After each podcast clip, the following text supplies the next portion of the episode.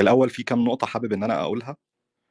آه، مناقشة الكتاب مش هتبقى طويلة عشان محتوى الكتاب وفقط.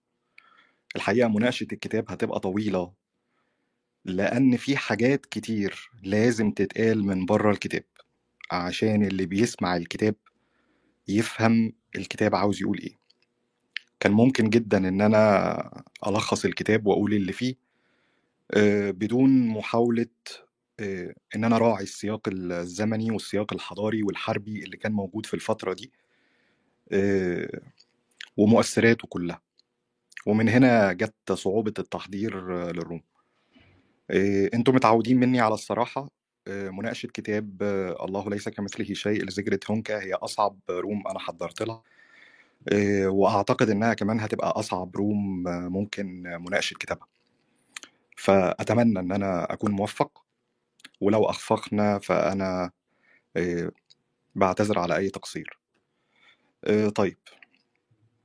أنا هبدأ رحلتي في الكتاب من الكاتبة. مين زيجرت هنكا وليه الكتاب ده يعتبر من أهم الكتب اللي هي كتبتها؟ زيجرود هنكا الحقيقة هي فيلسوفة مؤرخة دارسة في علم نفس الاجتماع وعلم النفس ومقارنة الأديان. جنسيتها ألمانية اتولدت سنة 1913 واتوفت سنة 1999 زيجرت هنكا معاها دكتوراه في الفلسفة سنة 1941 اتعلمت في ثلاث جامعات في ألمانيا هي كيل وفرايبورغ وبرلين آه، ليها العديد والعديد والعديد من المؤلفات. أفتكر بس منهم أهمهم. آه، شمس العرب تسطع على الغرب أو شمس العرب تسطع على أوروبا وده اللي اتالف سنة 1960 آه، في الأول أو في البدء كان رجل وامرأة 1953 والعديد والعديد من الكتب. نالت العديد من الأوسمة في ألمانيا. خدت جائزة الفيلسوف كانت سنة 1981 الشاعر شيلر سنة 1985 جائزة السلام في معرض الكتاب الألماني 1995 وكان آه، ليها جريدة باسمها آه، آه، وكمان كانت رائدة في اتحاد الطلاب الإقليمي في برلين وعضوية في حزب العمال الاشتراكي. كانت عضوا كمان في جمعية اتحاد الأديان الألمانية ثم كانت رئيسة لها. زجرة هنكا مسيحية. والحقيقة إن هي زارت العديد والعديد من الدول العربية. سواء كان عن عمل وهنعرف دلوقتي إزاي أو آه، عن زيارة أو عن دعوة. آه، زارت العراق وزارت مصر زارت الجزائر وتونس وسوريا وليبيا. وطبعا بداية معرفتها باللغة العربية وبالحضارة العربية كانت عن طريق المغرب. زيجرت هينكا كانت متزوجة من قنصل ألمانيا في المغرب. وهذا الشخص كان يدعى بيتر شودز آه، وهو برضه يعتبر مستشرق ألماني ولكن هو كان متخصص أكتر في الأدب العربي.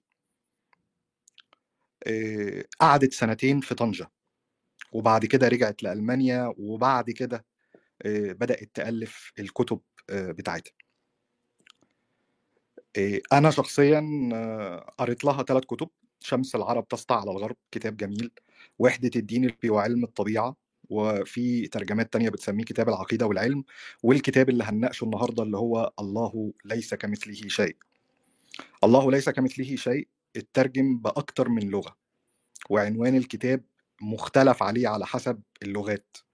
في لغات هتلاقوا اسم الكتاب الله مختلف تمامًا.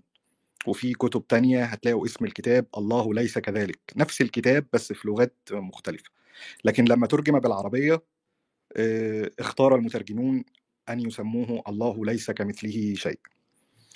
المدرسة الألمانية مدرسة عريقة جدا جدا في الاستشراق. آه، فيها أنا مارا جيميل فيها مراد هوفمان آه، فيها بيتر تشولز اللي إحنا قلنا عليه فيها كمان جاكوب. أو نورديكا واجنتشير وجايجر. بس أنا ماليش كتير. بتاعت الصوفية كتير قوي يعني. بالظبط كتير. المدرسة الألمانية فيها العديد والعديد من من المستشرقين. طيب آخر حاجة بس هقولها في مقدمة الكتاب حاجتين. أول حاجة فيهم إن الكتاب تيجي أهميته آه، من إن هو لقى نقد شديد جدا في الأوساط الأوروبية والألمانية ومع ذلك اعيد طباعته لاكثر من لغة. الحاجة الثانية إن الكتاب هو آخر كتب المؤلفة. آه، قبل ما تموت بحوالي عشر سنين. وده معناه إن ده عصارة آه، خبرات وتفكير آه، وآراء وتقلبات سواء كانت ايديولوجية أو دينية أو حضارية. ومن هنا آه، جت أهمية آه، كتاب آه، الله ليس كمثله شيء. اللي أنا شخصيا شايف إن هو كمان أهم من شمس العرب تسطع على الغرب لأن هو تقريبا اتألف بعديه بحوالي 25 أو 28 سنة. آه، طيب. قبل بس ما أخش في الكتاب آه، في نقطة مهمة هنا عشان برضو ما تمرش علينا لأن إحنا هنرجع لها قدام. فكرة المغرب. فكرة معرفة المستشرقين بالحضارة العربية والإسلامية من المغرب ومن المدن المغربية. الحقيقة المغرب من البلاد اللي كان لها اللي كان ليها دور كبير جدا جدا في نشر الحضارة سواء كانت العربية أو الإسلامية سواء كانوا عرب أو كانوا أمازيغ. آه، المغرب قامت فيها دولة في يوم من الأيام كان عمرها تقريبا 186 آه، سنة وهي دولة الأدارسة. دولة الأدارسة اللي نزح من مكة بعد مرحلة فخ إدريس ويحيى أحفاد آه، أولاد الحسين وأحفاد علي بن أبي طالب يعني رضي الله عنهم جميعا. وأسسوا دولة الأدارسة هناك. آه، وفي دولة الأدارسة أقيمت آه، جامعة القيروان. آه، وكان عاصمتها القرويين القرويين القيروان دي لا لا القيروان القرويين دايما الق... لخبطة. صدقني القرويين ده آه فاس القيروان صح؟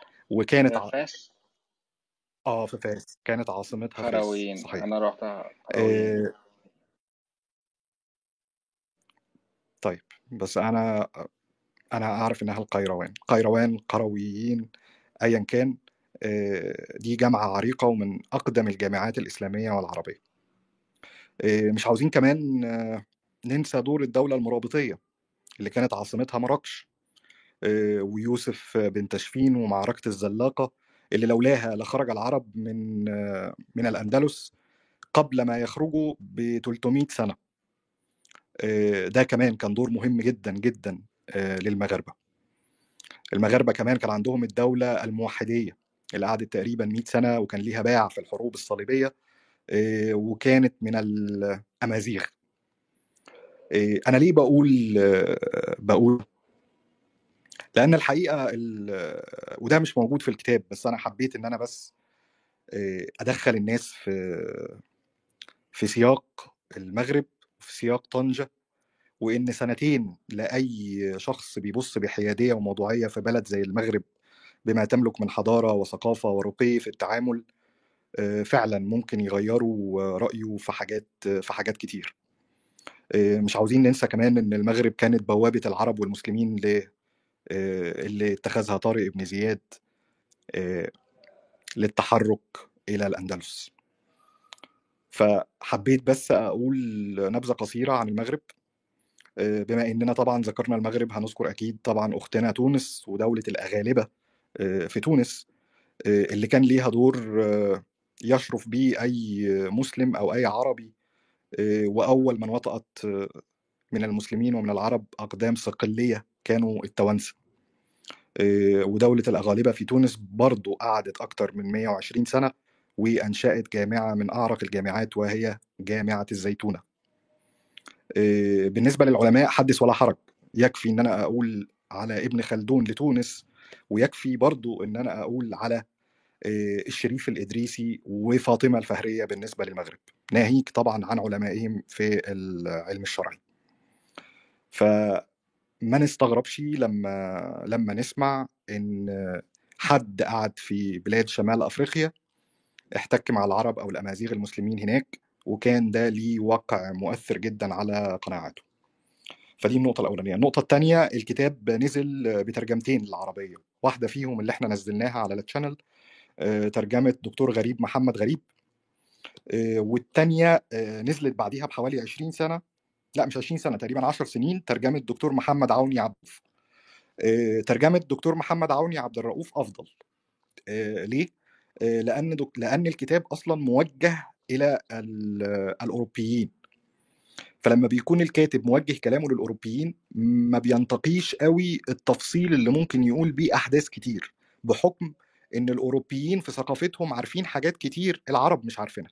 كأسماء معارك مثلا أو أسماء قلاع أو حصون آه، أو أسماء جغرافية أو هكذا أو أسماء ملوك أو هكذا.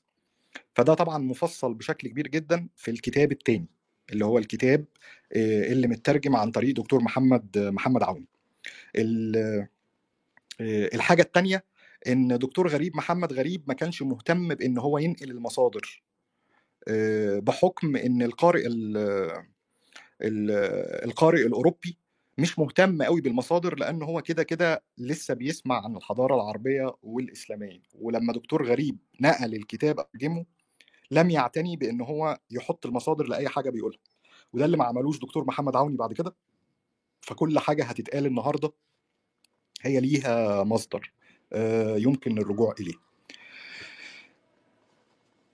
الغاية من الكتاب سواء كان للكاتبة أو سواء للروم هنا هي إعطاء كل ذي حق حقه. إيه، مش دفاعا ولا هجوما ولا ولا أي ولا تزييفا للحقائق قد ما هو إعطاء كل ذي حق حقه. إيه، آخر حاجة هقولها الكاتبة وهي بتكتب الكتاب ده كانت اتسألت إيه أهمية الكتاب؟ قالت بالنص وأردت أن أكرم العبقرية العربية وأن أتيح لمواطني أوروبا فرصة العودة إلى تكريمها كما أردت أن أقدم للعرب الشكر على فضلهم والذي حرمهم من سماعه طويلا تعصبا أعمى أو جهل أعمق. إيه، نتوكل على الله بقى ونتكلم في الكتاب. أنا كده جاوبت على أول سؤال من غير ما أي حد يحس اللي هو مين هي زيجرد هينكا وإيه هي أهم أعمالها والمناصب والجوائز اللي حصلت اللي حصلت عليها؟ السؤال التاني اللي أنا كتبته وأنا بقرأ الكتاب كان هو إيه طبيعة العلاقة التاريخية بين مسيحيي أوروبا والعالم العربي الإسلامي؟ وهنا السؤال دقيق جدا. لما بيقال مسيحي أوروبا فالمقصود هم مسيحيي أوروبا. ولما يقال العالم العربي الإسلامي فالمقصود به هو العالم العربي الإسلامي. الأوروبيين واصلين لمرحلة إن هم فاكرين إن كل ما هو مسلم فهو عربي. ما يعرفوش إلا قشور عن الحضارة العربية أو الحضارة الإسلامية. زيجرت هنتا فصلت في في النقطة دي بشكل بشكل كبير وعميق آه، جدا. وفسرت إيه لدرجة إنها راحت كمان لسبب من الأسباب إن الترجمة الإنجليزية لكلمة إيران هي تقريبا بنفس النمط والوزن على الكلمة الإنجليزية بلفظ العراق. إيه، وده طبعا لجهل الكثير من الأوروبيين ولتدليس برضو عن عن قصد أو عن دون قصد. إيه، في ناس فاكرة إن إيران والعراق حاجة واحدة أو سياق واحد أو إن إيران دولة عربية مع إن في اختلاف كبير جدا جدا بين إيران وعراق في كل شيء تقريبا في الهيئة والقامة والشكل وفي ملامح الوجه وفي العادات والتقاليد والتعامل مع المرأة واللغة والاختلاف في السلوك وحتى في المذاهب. ومع ذلك الأوروبيين واصلين لمرحلة من الضحالة إن هم ما يعرفوش إن ليس كل ما هو مسلم عربي. ودي نقطة تانية أنا حابب برضو إن أنا هايلايت عليها قبل ما نخش في الجزء الأولاني. عدد المسلمين الناطقين بالعربية دلوقتي في دولنا العربية ممكن يكون 400 مليون نسمة حوالي 400 مليون نسمة. في حين إن عدد المسلمين اللي موجودين في العالم يقتربوا من ال 2 مليار. في أرقام بتقول 1.8 في أرقام بتقول 1.9 في أرقام بتقول 2 مليار مسلم في العالم.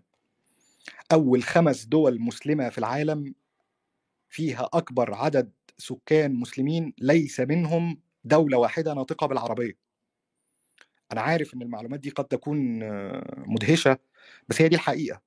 أول دولة عربية فيها عدد مسلمين في العالم هي مصر وهي في المركز السادس. اللي أنا عاوز أقوله هنا إيه؟ آه، الغلطة اللي بيقع فيها الأوروبيين بيقع فيها العرب دلوقتي كمان ومثقفين كتير من مثقفين العرب والناطقين بالعربية إن هم يتخيلوا إن الغالبية العظمى هم المسلمين الناطقين بالعربية وهذا غير صحيح. المسلمين في أوطاننا العربية لا يتعدوا نسبة 30% من أعداد المسلمين في العالم. لا الطبائع ولا التقاليد ولا العادات ولا الموروثات اللي عندنا هي اللي عند المسلمين الغير ناطقين بالعربية. ولا حتى الطوائف ولا الفرق كتير مثلا بيظنوا إن الأشاعرة هم الأكثر عددا في حين إن الماتريدية هم الأكثر عددا في المسلمين. مع إن أنت قد لا تجد ليهم أعداد كثيرة في الناطقين بالعربية. موجودين طبعا بس لا يقارنوا طبعا بالمذهب الأشعري أو المذهب السلفي. ومع ذلك فهم يعتبروا الطائفة الأعلى بين المسلمين. وذلك لتواجدهم بشكل كبير جدا في آسيا وفي بلاد ما وراء النهر. فالنقطة دي برضو كان مهم إن أنا أهايلايت عليها عشان المستمعين يعرفوا إن زجرة هنكا حطت إيديها على نقطة إن الأوروبيين كانوا بيعاملوا العرب المسلمين معاملة خاصة. مش لإنهم فقط مسلمين ولكن لإنهم عرب ومسلمين. مش كفاية إن أنت تكون مسلم وفقط. ومش كفاية حتى إن أنت تكون عربي وفقط لو أنت عربي ومسيحي برضو كان بتنالك ما ينالك من الكنيسة الكاثوليكية في أوروبا. طيب زجرة هنك عايزة تقول إيه؟ عايزة تقول إن كل ما كان يعرفه الأوروبيين حتى إنها استشهدت بمقالة في جريدة ألمانية ظهرت في يناير 1990 وهقول لكم المقالة دي يعني كانت بتقول إيه. بس خلينا الأول نقتبس شوية عبارات كانت هي هي حتى الآن دارجة جدا في الأعلام الاوروبيه أو في الإعلام الأوروبي أو في الروايات الأوروبية. رعاة أغنام شيوخ بترول لا يملكون سوى المال همج رعاع برابرة سعال البريد للحضارة اليونانية لم يقدموا شيئا غير مبدعين شعب وحضارة عقيمة فكريا. هي دي المصطلحات اللي إحنا بنسمعها دلوقتي عن الحضارة العربية الإسلامية. وبيظن البعض أن هذه حقيقة. في حين إن الحقيقة تم دفنها تحت غضب ودماء و... وده اللي هتقوله زجرة هنك إحنا جايين دلوقتي. هت... هتقول ليه المقبرة الجماعية لل... للحقائق دي حصلت في أوروبا؟ لدرجة إن وصل الأمر إلى إن في انتصارات علمية نسبت إلى أسماء أوروبية متخيلة. وده برضو اللي هنقوله اللي هنقوله في الكتاب. طيب أول فرية أو أول حاجة زجرة هنكا يعني سلطت الضوء عليها كانت إيه؟ إن في شريحة مش بسيطة من الأوروبيين يطلقون على المسلمين لفظة المحمديون. نعم المحمديون. ناس كتير في أوروبا في الصحافة أو في الإعلام أو في المناقشات الثقافية لما بيجوا يتكلموا على المسلمين تحديدا الناطقين بالعربية بيقولوا عليهم المحمديون. وبتمر الكلمة مرور عابر بدون أي اعتراض. ولما رجعت الكاتبة عرفت إن ده كان تعبير شعبي مستخدم في العصور القديمة عن مسلمي إسبانيا. وكان فصف وكان وصفهم كالآتي. خلف جبال البرانس اللي هي اللي كانت بتفصل أسبانيا عن فرنسا يعيش أناس في قرطبة. هم عبدة الشيطان.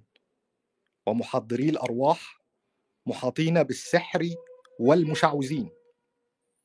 يرجعون إلى كتب سرية ويتربع على عرشهم الوثن الذهبي طبعا اسم الرسول تحرسه فيالق من الشياطين وقرابين ملوثة بالدماء يضحى بها قربانا له. هي دي تعريف لفظة المحمديون. رغم إن المسلمين على مدار أكثر تقريبا من 14 قرن باختلاف كل الدويلات وكل الأزمنة لم يثبت قط أن قال شعب ما أو سمى نفسه بالمحمديون. لم يحدث. بل إن الرسول عليه الصلاة والسلام لما توفي أفتكر كانت سنه 11 للهجرة كانت 632 ميلادي. وأول ما نسب لأبو بكر الصديق رضي الله عنه لما دخل على أم المؤمنين عائشة وقبل الرسول الكريم خرج إلى الناس وقال كلمته الشهيرة أيها الناس من كان يعبد محمدا فإن محمدا قد مات ومن كان يعبد الله فإن الله حي لا يموت. فقال الله تعالى وما محمد إلا رسول قد خلت من قبله الرسل.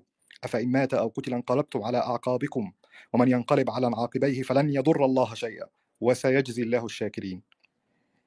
صدق الله العظيم. أظن واضح جدا جدا من السردية الإسلامية أننا لا نعبد محمد. ولكن زيجرد هينكا هنا بتقول ده دليل على قد إيه مدى التدليس والتزييف الذي قيل على المسلمين. مونتجومري مونتجومري وات ده بره الكتاب بس حبيت برضه أقول مقولته من أشهر المستشرقين. كان لينا كتاب اسمه محمد النبي ورجل الدولة. إيه، كان كتب جملة شهيرة جدا. لم يفترى على شخصية في العالم عبر التاريخ. كما تم الافتراء على محمد نبي الإسلام. وكان ذلك لأسباب من أهمها الحملات الصليبية والحروب. وده اللي هتروح له زجرة هينكا في في الحاجة التانية أو التالتة كمان دلوقتي بعد المحمديون. آه، بس الحقيقة قبل ما أروح للنقطة التالتة وهي نقطة الحروب الصليبية آه، حابب إن أنا حابب إن أنا أقول إن الجريدة اللي ظهرت في ألمانيا سنة 1990 دي ظهرت بعد قرون مش عقود حتى قرون من التبادل الفكري والثقافي والحربي آه، بين العرب وأوروبا. بيزورونا وبنزورهم حاربناهم وحاربونا هزمناهم وهزمونا آه، مئات السنين من التبادل التجاري والثقافي والاستعمار آه، والحروب وكل شيء. ومع ذلك لم يصل الأوروبيين يوما لحقيقة العرب أو حقيقة المسلمين لدرجة إن لغاية سنة لغاية من 20 أو 30 سنة هناك كثير من الأوروبيين يظنون أننا المحمديون. طيب نيجي بقى للنقطة الثانية النقطة دي بدأت سنة 1095 بس قبل ما أتكلم في النقطة الثانية حابب برضو إن أنا إيه اشارككم معايا في رحلة قصيرة كده في التاريخ الإسلامي. الله أكبر. إحنا قلنا إن الرسول عليه الصلاة والسلام آه، توفى 632 مسك أبو بكر الصديق 632 632 ميلادي وقعد تقريبا في الخلافة سنتين ونص. طيب في السنتين ونص دي عارفين إحنا طبعا آه، موضوع آه، حروب الرده والله لو منعوني عقال بعير كادوا يؤدونه إلى رسول الله لقاتلتهم عليه. وكان جيش أسامة بن زيد رايح يحارب في في الروم وطلع معاه أبو بكر الصديق حتى بداية ال- الطريق. وكان بداية الفتوحات الإسلامية سواء كان على الشام أو العراق أو مصر. وكانت الجيوش بتاعة الشام مقسمة إلى أربع جيوش. سواء كان أبو عبيدة الجراح أو عمرو بن العاص أو شرحبيل أو يزيد بن أبي سفيان. خلاص؟ وطالعين على الشام. وكان خالد بن الوليد ساعتها بيفتح العراق وحصلت آه، إن خلاص العراق okay ولسه بقى داخلين على الشام. وأمر الخليفة ساعتها خالد بن الوليد إنه ينضم إلى بقية ال- الجيوش عشان خاطر يفتحوا بلاد الشام. هتعرفوا أنا بقول لكم التفاصيل دي ليه قدام. وبعد كده كان التحضير للمعركة المهمة جدا وهي معركة اليرموك. وتوفاه الله أبو بكر الصديق رضي الله عنه في التحضير لمعركة اليرموك آه، بالمرض وهو مات بنفس تقريبا سن الرسول عليه الصلاة والسلام كان 63 أو 62 سنة. وبعد كده جه آه، عمر بن الخطاب. وعمر بن الخطاب كان في عصره أكبر الفتوحات العربية الإسلامية. وكان منها فتح إيه؟ فتح الشام. وآخر مكان اتفتح في الشام كان القدس. والقدس لما فتحت آه، أهالي القدس ما استسلموش مع الحصار اللي فرضوا عليه المسلمين وحتى لما اتعرض عليهم الصلح رفضوا إن هم يسلموا أروقة المدينة إلا لما يجي الخليفة. ومع ذلك فعلا المسلمين عملوا كده وجي الخليفة وحضر وفتح القدس وعاش المسيحيين في القدس بكل أمان. والكلام ده برضو تقريبا حصل في سنة 21 هجرية آه، في فتح مصر اللي مسكها عمرو بن العاص وبعد كده آه، عبد الله بن أبي السرح. طيب. السردية الإسلامية بتقول إيه؟ بتقول إن بعد كده بقى جه آه، بعد عمر بن الخطاب جه عثمان بن علي وقعد 12 سنة وبعد كده جه علي بن أبي طالب. قعد تقريبا خمس سنين وبعد كده الحسن وبعد كده ست شهور وبعد كده بدأت الدولة الأموية. ماشي. أنا ليه بسرد لكم عشان نعرف ال- الغضب للفرنجة بدأ يجي سنة كام؟ لما ده حصل آه، مسك معاوية. الناس عارفة السردية بس أنا هقول برضو للي ما يعرفش. مسك معاوية بن أبي سفيان وبعد كده يزيد بن معاوية. المهم فضلت الدولة الأموية تقريبا من 90 ل 94 سنة. وكان بقى الوليد بن عبد الملك وعبد الملك بن مروان وهشام بن عبد الملك ومروان بن الحكم والأربعة الخلفاء الأخرانيين اللي هم وكان آخرهم معاوية. وكان آخرهم مروان بن محمد. اللي لقب بالخليفة الحمار. خلصت الدولة الأموية كل ده إحنا القدس موجودة والمسيحيين موجودين الكنائس موجودة. وبعد كده بدأت ال- الخلافة العباسية. الحقيقة في الخلافة العباسية المؤرخين اجتمعوا إن هي بتنقسم لثلاث مراحل. المرحلة الذهبية وهي المرحلة الأولى ودي كانت أول 100 سنة اللي كان فيها بقى الرشيد والمأمون والمعتصم وال- والواثق. وبعد كده بدأ الضعف ينهش في الخلافة أو الدولة العباسية. وده كان عن طريق إن بدأ الترك والفرس يخشوا ويمسكوا مقاليد الدولة ويخشوا ويهولوا على الحكم. وبعد كده ليتر هنروح للسلاجقه هنروح لهم هنروح لهم قدام. بس خليني أقول هنا حاجة. إن منذ فتح المسلمين ل...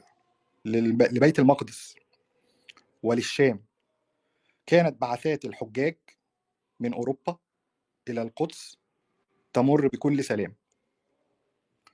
لم يتم تدنيس المقدسات ولم يتم التعامل مع مسيحيي الشام آه، بأي عنف أو بأي دماء. وده اللي أقره المؤرخين المسيحيين الأوروبيين نفسهم. طيب إيه اللي حصل بعد كده؟ اللي حصل بعد كده إن مع ضعف الخلافة العباسية آه، بدأت دويلات كتير تخش منها الدولة الفاطمية وكانت الدولة الفاطمية مستولية على الشام وكانت لم تحكم قبضتها على الشام. فطلعت دولة في الشام اسمها دولة المرداسيين. آه، حصل آه، إن في أفتكر قافلة أو اتنين أو ثلاثة تعد على أصابع اليد آه، تم الهجوم عليهم في طريقهم إلى بيت المقدس. وبعد كده كانوا بيرجعوا يحكوا للأوروبيين طبعا مع ال- الكهنة الأوروبيين أو البابات الأوروبيين بتوع الكنيسة الكاثوليكية اللي كانوا عمالين يشوهوا ويقيدوا نار الفتنة ضد العرب وضد المسلمين عشان تتحد الكنيسة الشرقية مع الكنيسة الرومانية. بدأت الناس كمان تختلق القصص. في نفس ذات الوقت ده مسك مصر قصة مصر برضو قصة يعني هحكيها لكم سريعا كده إن لما فتحها عمر بن العاص كانت كانت العاصمة هي الفسطاط وبعد كده اتعملت مدينة القطائع والدولة الطولونية وبعد كده أول من سماها القاهرة كان جوهر الصقلي والمعز لدين الله الفاطمي كان الخليفة. المهم كان في خليفة اسمه الحاكم بأمر الله. الخليفة ده كان من أضعف الخلفاء وكان من أغربهم في العادات. كانت عاداته غريبة جدا. ومال بشكل كبير حتى في الدين إلى المنهج الإسماعيلي ومال إلى التنجيم وكانت أفعاله متناقضة بشكل كبير لدرجة إن هو شرع في هدم كنيسة القيامة. ويقال إن هو عمل ده عشان خاطر أمه كانت في الأصل مسيحية وكان هو عايز ينفي شبهة المسيحية عنه ظنا منه آه، أن المسيحية شبهة. مع العلم إن لغاية ما مسك الخليفة الحاكم بأمر الله ده وهو ابن ال- اللي قبليه كان اسمه العزيز بالله. حتى وقت العزيز بالله كانوا المسيحيين بيقلدوا أعلى المناصب وبيذهبوا للحج وبي... مفيش أي مفيش أي تعديات. الراجل ده اللي هو الحاكم بأمر الله آذى آذى المسيحيين وآذى المسلمين. ورغم أنه في حياته أجبر على إعادة بناء آه، كنيسة القيم طيب كان في أسباب تانية كانت أسباب اقتصادية. غرب أوروبا في الفترة دي وهي بداية القرن ال11 كان بيعاني من مجاعة شديدة وكان بيعاني من جفاف. وده يفسر لكم إن أغلب ال- الجنود الصليبيين اللي قاموا بالحملات الصليبية كانوا من بلاد غرب أوروبا وتحديدا من فرنسا. بالمناسبة كلمة الحملات الصليبية أصلا دي كلمة جديدة على اللغة العربية. لم يكن يعرف عنهم أنهم آه، حملة الصليب. كان بيتقال عليهم الفرنجة أو الفرنك فكلمة أنا بس بحاول أجمع لكم كل ال- المعلومات عشان خاطر الدنيا تبقى إيه آه، تبقى واضحة. طيب خلاص. خلاص عرفنا ورجعنا بعد كده سقطت بغداد وآخر خليفة في بغداد كان اسمه المستنصر بالله وبعد كده ده, ده لما المغول دخلوا عليهم وبعد كده فضلت الدويلات بقى السلاجقة والمملوكة والمملوكية اللي هي المماليك لغاية ما العثمانيين في معركة كان اسمها مرج دابق والريدانية في مصر ومسك العثمانيين وخلاص والدنيا مشيت. الناحية الثانية من سنة 750 بعد انهيار الدولة الأموية كان في ناس تانية بتبني دولة تانية اللي هي الخلافة الأموية في الأندلس اللي بدأت بالأولياء وبعد كده الخلافة وبعد كده كان ملوك الطوائف وبعد كده المرابطين اللي بدأها عبد الرحمن بن معاويه ابن معاوية ابن هشام ابن عبد الملك وده يعتبر عبد الرحمن الداخل وقعدت في عصر الولاية كان الوا... كان كان اسمها. آه، عصر الولايات وكانت قرطبة هي المركز وبعد كده آه، مسك عبد الرحمن الداخل وعملها خلافة. كانت الأول عبد الرحمن الناصر آه، وبعد كده مسك عبد الرحمن الناصر وعملها خلافة. خلاص؟ عشان بس تعرفوا ال- السياقات كانت ماشية جنب بعضها آه، إزاي. طيب. اسمعوا بقى ماذا حدث يوم 27 نوفمبر 1095 في مدينة كليرمو دعا البابا أوربان الثاني البابا أوربان الثاني لمن لا يعلم سلطة البابا في هذا الوقت في أوروبا إن هو الرئيس الروحي الأعلى للمسيحية بقوة التفويض الإلهي. دعا البابا أوربان الثاني في 27 نوفمبر 1095 في مدينة كليرمو بفرنسا أن يجتمع جميع الفرسان الأوروبيين وأن يحملوا الصليب ويذهبوا لتحرير قبر المسيح الذي خرب وتم تدنيسه. طيب. اسمعوا بقى شوية حاجات قيلت في هذه الخطبة. أي عار سيلحق بنا. إذا قدر لهم الانتصار على شعب الله المختار. إذا ما انتصر هذا الجنس الملحد. الذي لا يستحق إلا الازدراء. والذي يتجرد من كل كرامة إنسانية. وجد ليكون عبدا وضيعا للشيطان. إذا قدر لهم الانتصار فإنها ستكون الطامة الكبرى. آه، كان كان في أسقف اسمه بسكوف إديمار. تقدم أمام الصيوف أمام الصفوف للبابا وركع أمامه وتلقى منه إشارة الصليب ليكون قدوة لكل الفرسان الحاضرين. والحاضر يبلغ الشاهد والحاضر يبلغ الغائب. كانت كل الشعراء والروائيين يطلقون على العرب المسلمين ألفاظ من نوع ملعونين خنازير لا يستحقون إلا القتل وإلقاء جثثهم الجيفة إلى الهواء. دون تفرقة. فهم أتباع الشيطان. طيب. لقد دنسوا قبر المسيح. وعذبوا المسيحيين وانتهكوا حرمة الأراضي المقدسة. ومنعوا المسيحيين من ممارسة حقهم في السعي السالم لبيت المقدس. وهذا لم يحدث. لست بمنذركم وإنما الرب هو الذي يطلب منكم ويحذركم. فأنتم حملة لواء المسيح. عليكم أن تطهروا إخوانكم في الأرض المقدسة من هؤلاء الرعاع. حتى إنهم لم يهتموا بال... بأحوال المسيحيين في آسيا الصغرى اللي كانوا بيعانوا أشد المعاناة من هجمات السلاجقة الأتراك المتكررة.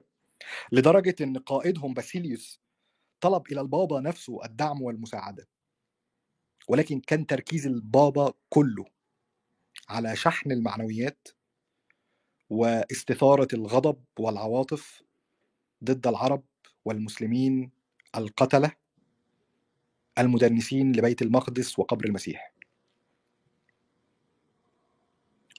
وكانت دي خطة أغلب المؤرخين بلاش نقول خطة خلينا نقول اتفاق بينه وبين جريجور السابع اللي كان كل همه إنه يعيد آه، التحام الكنيسة الرومانية والكنيسة الشرقية عشان يتحد الاتحاد الكنسي آه، مرة أخرى. طيب. الكلام ده كان سنة 1095 واحدة واحدة بقى كده.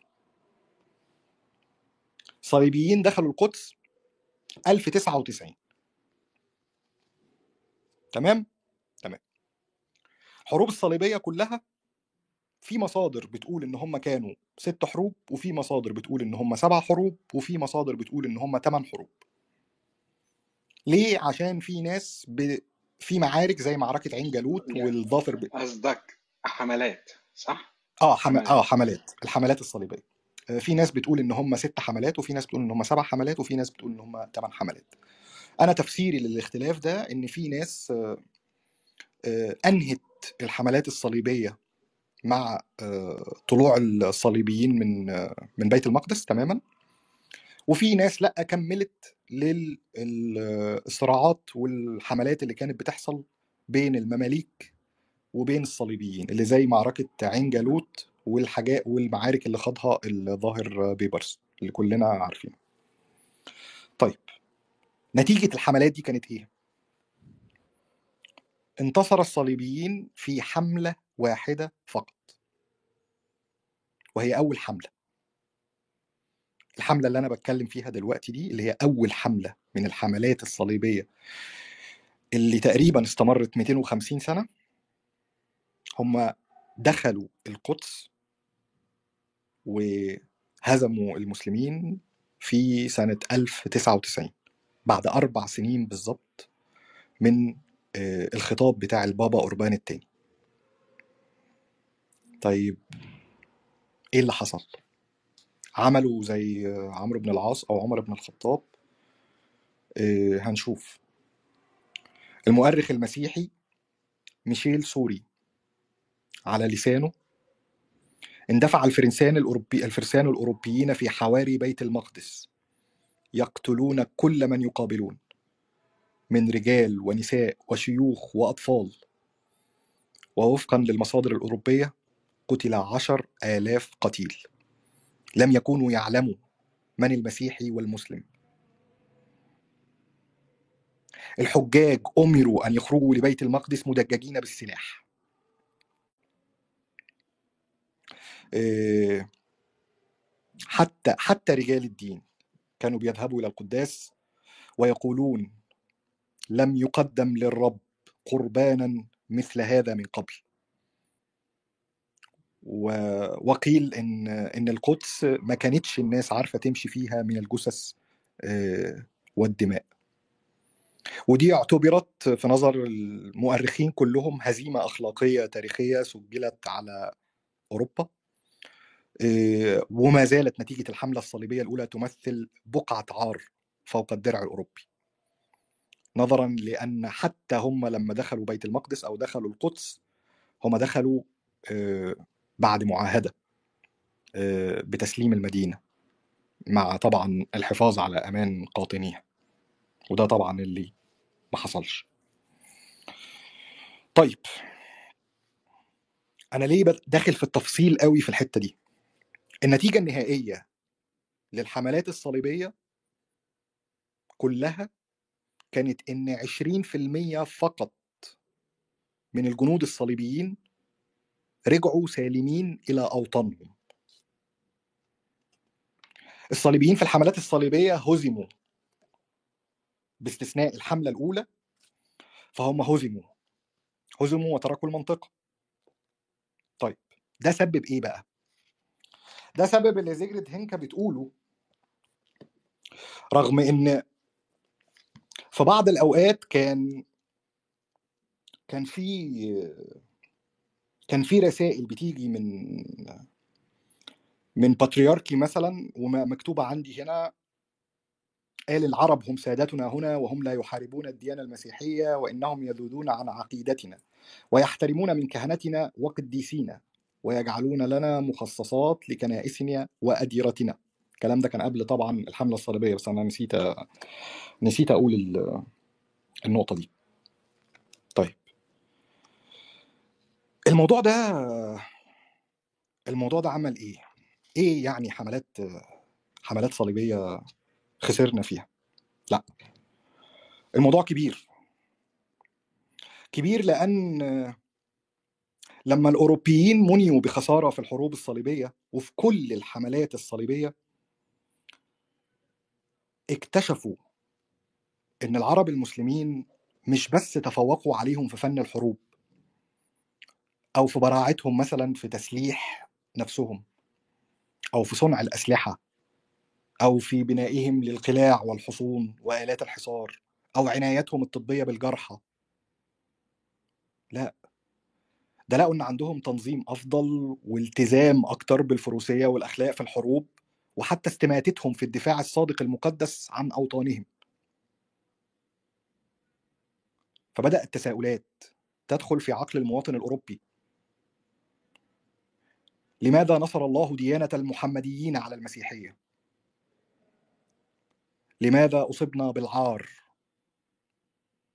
وهزمنا أمام من لا يستحقون إلا الإزدراء والموت؟ لماذا نصر الله محمدا على المسيحيين؟ أليسوا عبدة شيطان؟ أليسوا جنس ملحد؟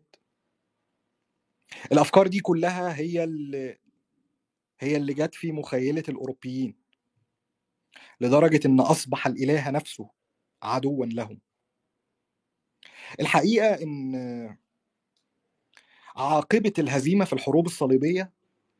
تقدروا تقولوا إنها كانت زي العاصفة اللي عصفت بالعالم والفكر الأوروبي لعقود. وكلفت السلطة الدينية في أوروبا تكاليف باهظة. دفعت الكنيسة والباباوات تمن اللي هم كانوا بيقولوه وتمن الشحن اللي هم كانوا بيشحنوه عن طريق إن سلطتهم تهاوت إلى الدرك الأسفل بسرعة شديدة. الناس ما عادتش بتسمعهم وما عادتش بتثق فيهم. كل اللي عملوه إن هم رموا الأوروبيين الغرب في معركة بغرور. غرور وصل إن هم تخيلوا إن هم المختارون الذي عهد إليهم الإله بأن يقتنصوا من الكفرة لما اقترفوه من آثامهم المزعومة. لقد أصيب الأوروبيون بصدمة نفسية زعزعتهم. وما زالت هذه الصدمة تقف أمام طريق وتبني العراقيل أمام كل معرفة موضوعية عن الغرب. آه، ده كان آه، ده كان الجزء الثاني. حبيت إن أنا أشير إلى أصل الكراهية والبغضاء الذي كنها آه، جنود الحروب ال- الحملات الصليبية على العرب والمسلمين وإن إزاي ده أثر في فحتى ثقتهم و... وتقديسهم ل... لدينهم وطرح العديد والعديد من التساؤلات. بس بدأ بدل ما يروحوا بشكل موضوعي يدوروا على إجابات التساؤلات آه، ذهبوا من الأولى ومن الأسهل إن هم يكرهوا ويمقتوا ويزدروا كل ما له علاقة آه، بالعرب المسلمين. ومن هنا كانت إجابة السؤال التاني. هعيد السؤال تاني عشان تاخدوا بالكم التفاصيل اللي موجودة في السؤال. السؤال ده مش موجود في الكتاب بس أنا اللي حطيته عشان خاطر نعرف إن الموضوع مش كل المسيحيين ومش كل المسلمين. الموضوع ليه علاقة بالربطة التاريخية اللي ولدتها الخطابات الدينية في أوروبا في بدايات القرن الحداشر وتحديدا سنة 1095 حتى خروج الصليبيين من القدس. أفتكر إن هم خرجوا 1187 في معركة حطين. ولو إن هم خرجوا خرجوا من عكا آه، بعديها بحوالي 20 سنة. ولكن من بيت المقدس قعدوا تقريبا 87 أو 88 88 سنة.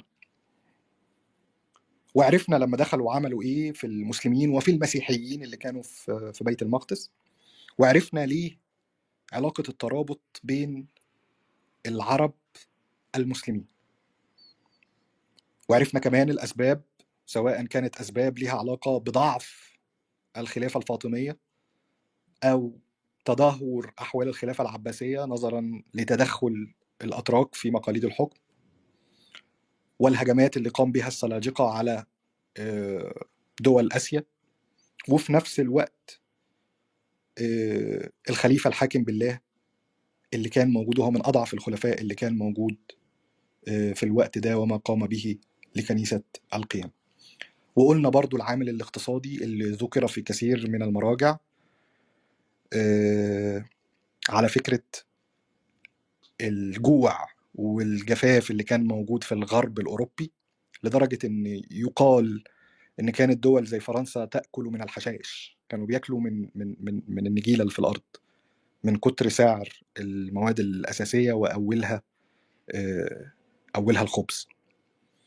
فانشقاق طبعا وراء بصدع الكنيسة الشرقية مع الكنيسة الغربية كان سبب من الأسباب. فكثير من المؤرخين ومن القارئين للتاريخ توصل إلى أن الحملات الصليبية لم تكن لهدف ديني بل كان لها أهداف سياسية آه، وسلطوية واقتصادية آه، متعددة. والدليل على كده إن حتى البلاد اللي شاركت في الحروب الصليبية كانت في الأول هي بلاد غرب آه، وجنوب أوروبا. بقية أوروبا ما كانوش مشتركين بهذا القدر. ألمانيا مثلا ما دخلتش في الحروب الصليبية إلا بعد ما صلاح الدين دخل آه، آه، بيت المقدس 1187 آه، وكان صلاح الدين تربطه علاقة وطيدة بفريدريك الأول لدرجة إن هو راسله في يوم من الأيام طلب بنته لابنه ورد عليه الخليفة ورد عليه فريدريك الأول برسالة كلها احترام لل لخليفة المسلمين أو قائد المسلمين. آه، وبعد كده لما جه حفيده فريدريك الثاني هنيجي بقى في التفصيل قدام شوية في نقطة آه، فروسية الجانبين ووحشية آه، الجانبين. أنا كده خلصت أول سؤالين. هسيب المايك للبيدي ونوي كده خمس دقايق أخد نفسي وبعدين أرجع لكم تاني. يلا mic free.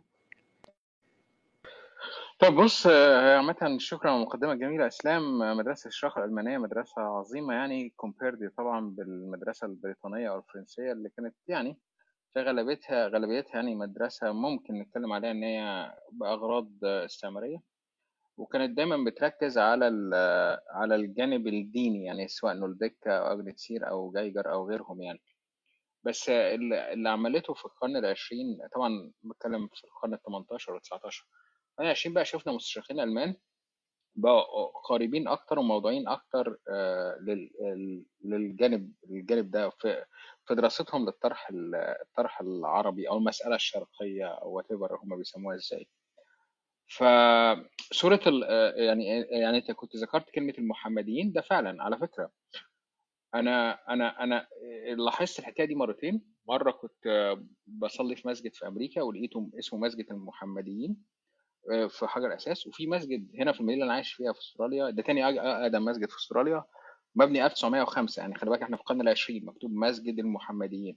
المحمديين موسك الجيش التركي اسمه الجيش المحمدي يا قلبي الجيش التركي بس اسمه الجيش التركي لو كنت اتكلمت على الدولة العثمانية فده من زمان. فهي فكرة المحمديين دي فعلا كان آه، مش مش احتقار أو تدليس أو كده. أنا طبعا بختلف مع زيجريد هونكا هي مجرد إن هي ده اختصار أسهل بالنسبة لهم يعني.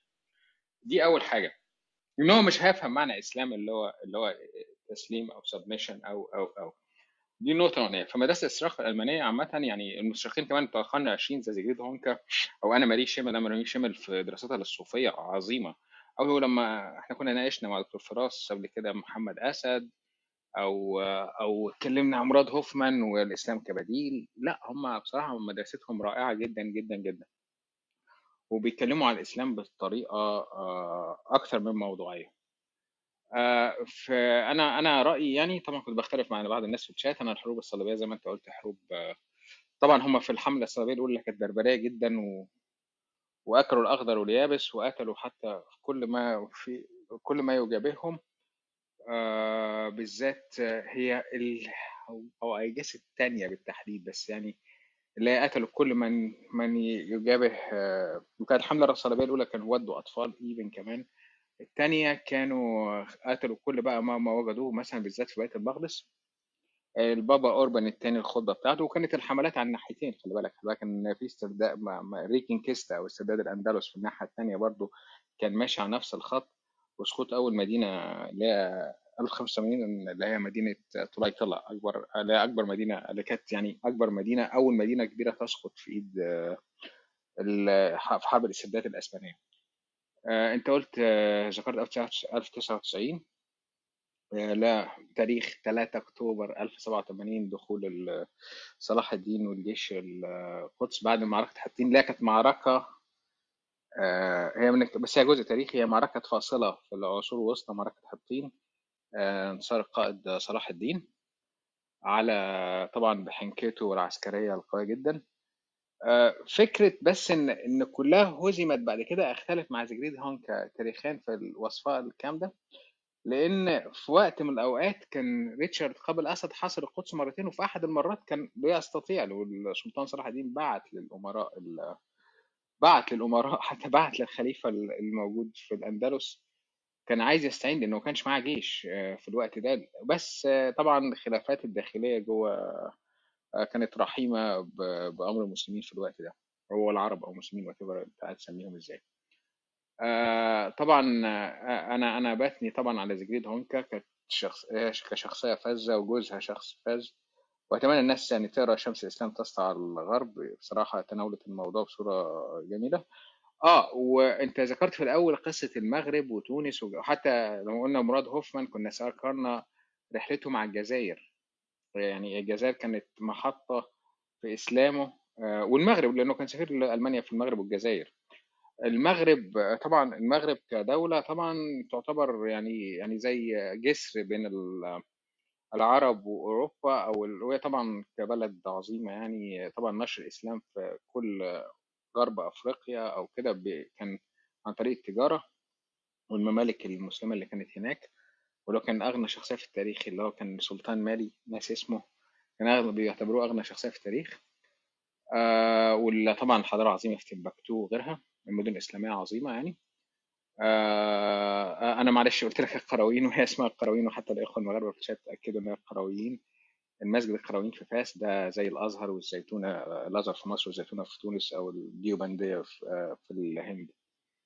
آه بس هو دايما في التراجم العربيه التراجم المصرية بالتحديد يا إسلام بيتك- بيتكتب على القرويين القيروان. أنا مش عارف ليه.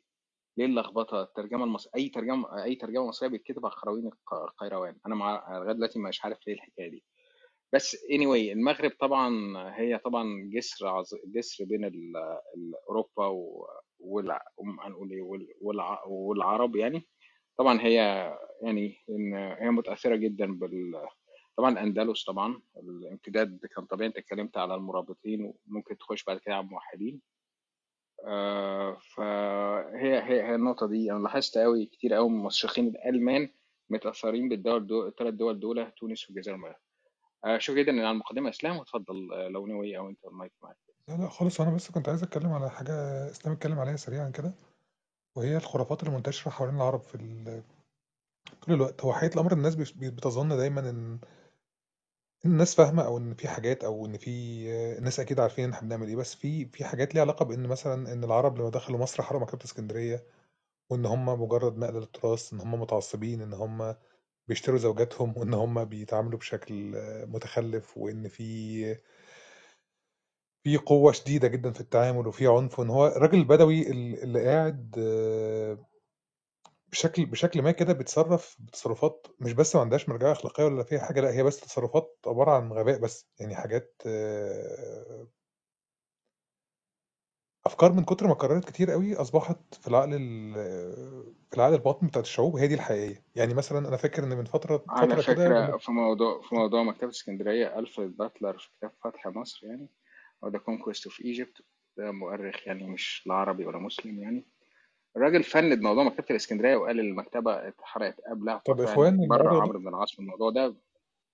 آه لا سلفي. يا جماعة موجوده موجودة في الكتاب والله يا جماعة. والله موجودة في الكتاب أنا فاهم أنا بس بتكلم على الإشاعات اللي منتشرة أكتر. أصل أنت عارف مثلا هم في ناس زي ما إحنا كده بنفتكر إن إن الهنود الحمر آه، في الهند. وده دي- يعني بغض النظر بقى عن الأفلام بدأت تطور حاجات في في ثقافة كده عن العرب إن إحنا مش قوم جهلة ومتخلفين بس. ان إحنا كلنا فاهمين بعض وبنتكلم نفس اللغة و... أنت مثلا تقعد تقول لهم يا جماعة الأغنياء قاعدين هنا والفقراء قاعدين هنا والسمر قاعدين هنا والبيض قاعدين هنا فأنت الأفكار النمطية هو بس كتاب عظيم إحنا كنا عايزين نتكلم عليه كده. اتفضل يا إسلام يا رب تكون خدت نفسك. وشكرا جدا على السرد يعني. طيب شكرا نوي وأحمد شكرا للناس اللي قاعدة معانا. آه، أظن إن أول نقطتين كانوا واضحين. عرفنا بذكرة هنتا هنكا وعرفنا دورها. والنقطة الثانية كانت ال- الخلاف التاريخي أو الشق التاريخي اللي كان بين الأوروبيين آه، وبين العرب المسلمين. وجذوره التاريخية كانت عاملة إزاي؟ طيب. بعد بقى 1187 وبعد معركه حطين بدأ فصل تاني خالص. زي ما بيقولوا زي ما بنقول كده عندنا في مصر اللي فات حماده واللي جه حمادي تاني خالص. بدأ بقى الموضوع يوصل لمرحلة صور بترسم وبتروى أن ثمة هناك فارس همجي المظهر يطأ فرسه قبر المسيح. ويبول عليه. وإن في أشخاص آه، بيصفعوا المسيح حتى يدمى وجهه. آه، وبدأت تظهر صور عن فيها مجسمات إن الرسول الكريم بيضرب المسيح في وشه وبيقتله.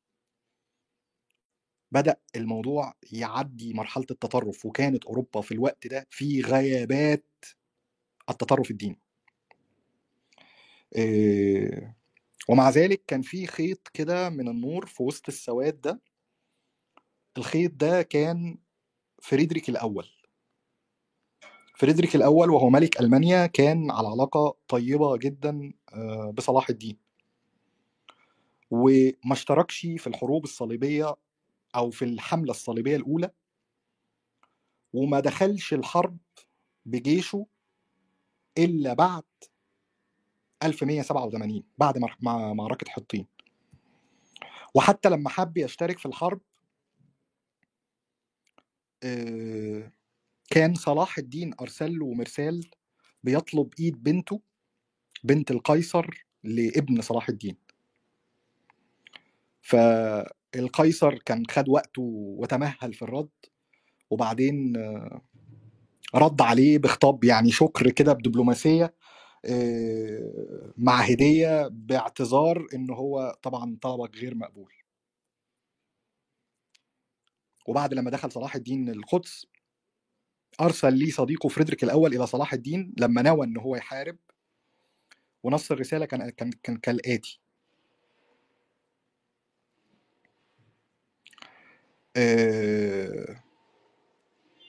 في 26 مايو 1188 أرسل مبعوثه بمكتوب إلى صلاح الدين. بعد سنة من دخول صلاح الدين للقدس معبرا فيه عن شكره لاستقباله الرسائل التي أرسله إياها اللي هي اللي قبل كده وعبر في هذه الرسالة عن أسفه لأنه سوف يضطر إلى محاربته. إذا ما رفض صلاح الدين التنازل عن بيت المقدس وإطلاق سراح أسرى الحرب. وأكرم صلاح الدين المبعوث وبعت رسالة كان مفادها الصديق الحق الكبير المعظم فريدريك فريدريك المبجل ملك ألمانيا. وعرض عليه إطلاق سراح كل الأسرى الفرنجة وأن يسمح للمسيحيين بإقامة القداس في كنيسة القيامة. وقت ما يشاءون. وأن يسمح لكل الحجاج بزيارة القبر المقدس بشرط أن يرد الفرنجة إليه كل القلاع التي يحتلونها.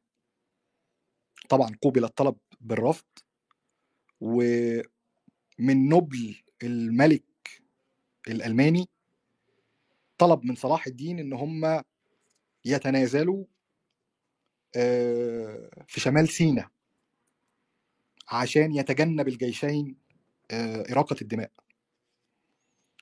آه، وللأسف مات فريدريك الأول متأثرا بمرضه قبل ما يقابل صلاح الدين. ولكن فضل الخيط الأبيض ده موجود إن حفيده بقى اللي هو فريدريك الثاني ده حفيده كان آه، كان على علاقة طيبة برضه بس كان السلطان الكامل بقى اللي هو ابن أخو صلاح الدين. وكان بيشهد بإن في مساواة تامة بين المسلمين وغير المسلمين والاحترام كان متبادل والحرية كانت تامة لليهود والنصارى والمسلمين في إقامة شعائرهم الدينية في جميع أرجاء الأرض المقدسة وقت ما شاءوا. وبهذا انتهى الأمر نهاية سعيدة. بس طبعا لم تكن هذه هي نهاية القصة. البابا ظهر من جديد. السلطة الدينية ظهرت من جديد. مش بس ظهرت ده حشدت الجموع البشرية الهائلة. مش بقى عشان يروحوا لبيت المقدس لا. عشان يهاجموا صقلية اللي كانت تحت أمر القيصر فريدريك الثاني وطلبت بالتحلل من يمين الولاء الذي كانوا أقسموا بها على بيعته وطاعته. مش بس كده. عارفين آه، في فيلم الناصر صلاح الدين ال- الموقف بتاع الخيانة؟ لما الموقف ده حصل فعلا بس ما كانش صلاح الدين كان السلطان الكامل. وما كانش ريتشارد هو اللي كان المفروض يتخان وإنما كان فريدريك الثاني وكان ده من ضمن برضو العروض اللي قدمها البابا للعدو اللدود اللي كان في نظره سلطان الكفار. عشان خاطر المعاهدة بتاعته مع فريدريك الثاني ما تتمش. وقبل رحيل فريدريك الثاني عن الشرق صبت الكنيسة غضبها عليه. وعلى عقد الاتفاق والتآخي بإعلان عقوبة الكنيسة البابوية إذ أمر البابا أو إذ أمر البابا بأن تمتنع أجراس الكنيسة عن الدق طوال مدة بقاء فريدريك بالكنيسة. وأوعز إلى رهبان الكنيسة بقذف القيصر وجيشه بالمقاليع محملة بالروث عند رحيلهم. خلي بالكم يا جماعة كل ما نقص نوصل لنقطة اتفاق تتدخل السلطة الدينية. كل ما نوصل لنقطة اتفاق يتدخل البابا. حتى لو كان على حساب المسيحيين العرب. حتى لو كان على حساب مسيحيي شرق آسيا. حتى لو كان على حساب عقد هدنة ومساواة تامة بين المسلمين وغير المسلمين في إقامة شعائرهم. كل ده كان البابا يرفضه.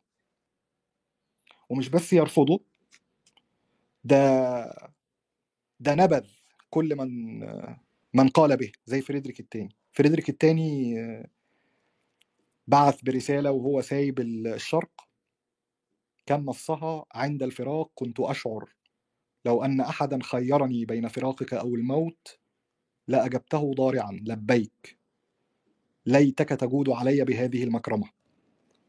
الخطاب ده طبعا كان موجه لسلطان المسلمين. آه، كانت حصلت مجزرة صليبية في دمياط. و... ومع ذلك لما رجع آه، السلطان كامل مصر واسترد دمياط لم يقوم المسلمون برد ال- الصعصعين للفرنجة كما كان يقال عليهم يعني. وعندما عاد الصليبيين إلى إلى أوروبا كان أحدهم هو عالم الفلسفة اللاهوتية أوليفرس. ده كان من مدينة كولونيا. آه، وبعت مرسال بعد ما وصل إلى الملك الكامل المعروف بصداقته للقيصر فريدريك الثاني زي ما إحنا قلنا ممتنا له عدم اقتصاصه من الصليبيين جزاء تنكيلهم بالمصريين في دمياط. وإنما كان يرسل إلى الجيش المسيحي الذي كان يعاني من جوع شديد طوال أربعة أيام ثلاثين ألف رغيف يوميا. فضلا عن المؤن الغذائية. وكان نص الرسالة كالتالي منذ قديم الزمن لم يسمع أحد بمثل هذه المعاملة الطيبة التي يعامل بها عدو لدود. وشاء الله أن يوقعنا بين يديك محاصرين ولم نعرفك طاغية جبارا بل وجدناك أبا يغمرنا بإحسانه ومنقذا لنا من كل الأخطار. حتى لما حصل الموقف بتاع ريتشارد قلب الأسد. وفي حالة غضب أمر بقتل ثلاثة آلاف أسير عربي. رغم أنه كان من المفروض أن تم تأمين على حياته.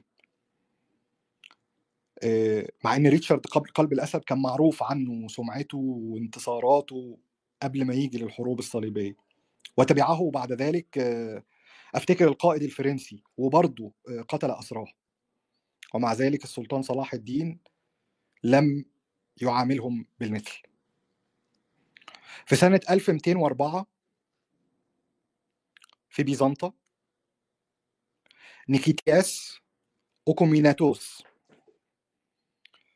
أرسل إلى البابا وقال له إن المسلمين أنفسهم رحماء ذو شفقة.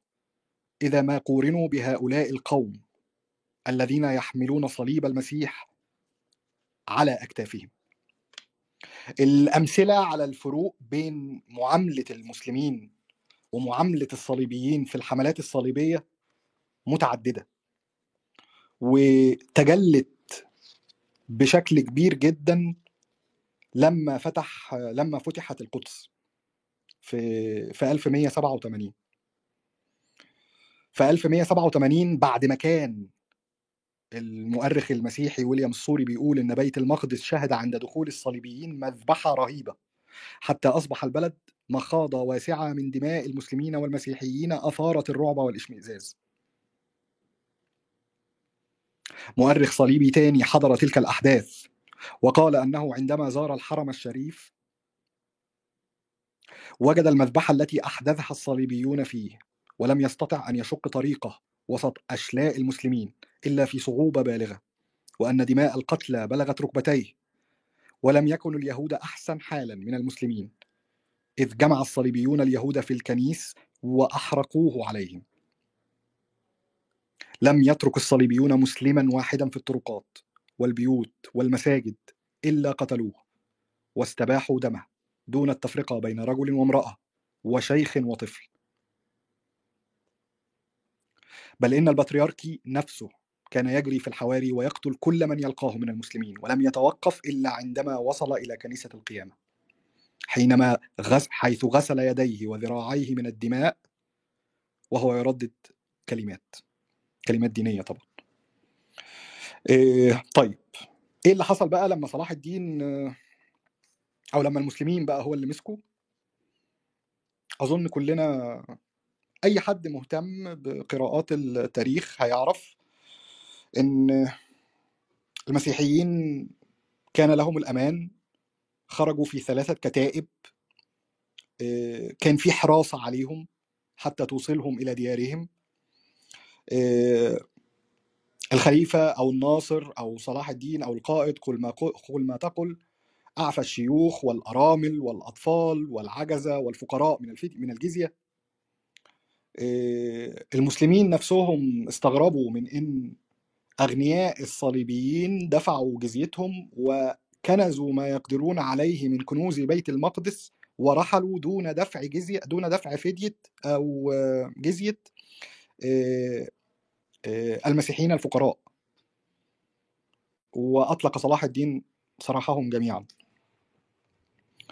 طيب آه، بتختم بتختم هنكا الكتاب الفصل ده بجملة إن ثمة خلاف جازم بين مفهوم كل من المسلمين والمسيحيين الأوروبيين عند تعاملهم مع أصحاب الملل الأخرى في الحروب. لم تعرف الفروسية المسيحية التزامات أخلاقية تجاه المسلمين على الرغم من أن المسلمين كانوا يحافظون على التزاماتهم.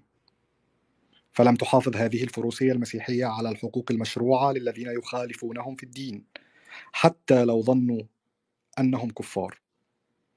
آه، ده كان نهاية الفصل ده آه، بالاستشهاد مع آه، عدة مصادر طيب كده إحنا خلصنا ثلاث أسئلة. السؤال الرابع كلمة بنسمعها كتير. الإسلام انتشر بالسيف. انتشار الإسلام بالنار والسيف. زيجرد هينكا خصصت فصل من الكتاب ده لل... للعبارة دي.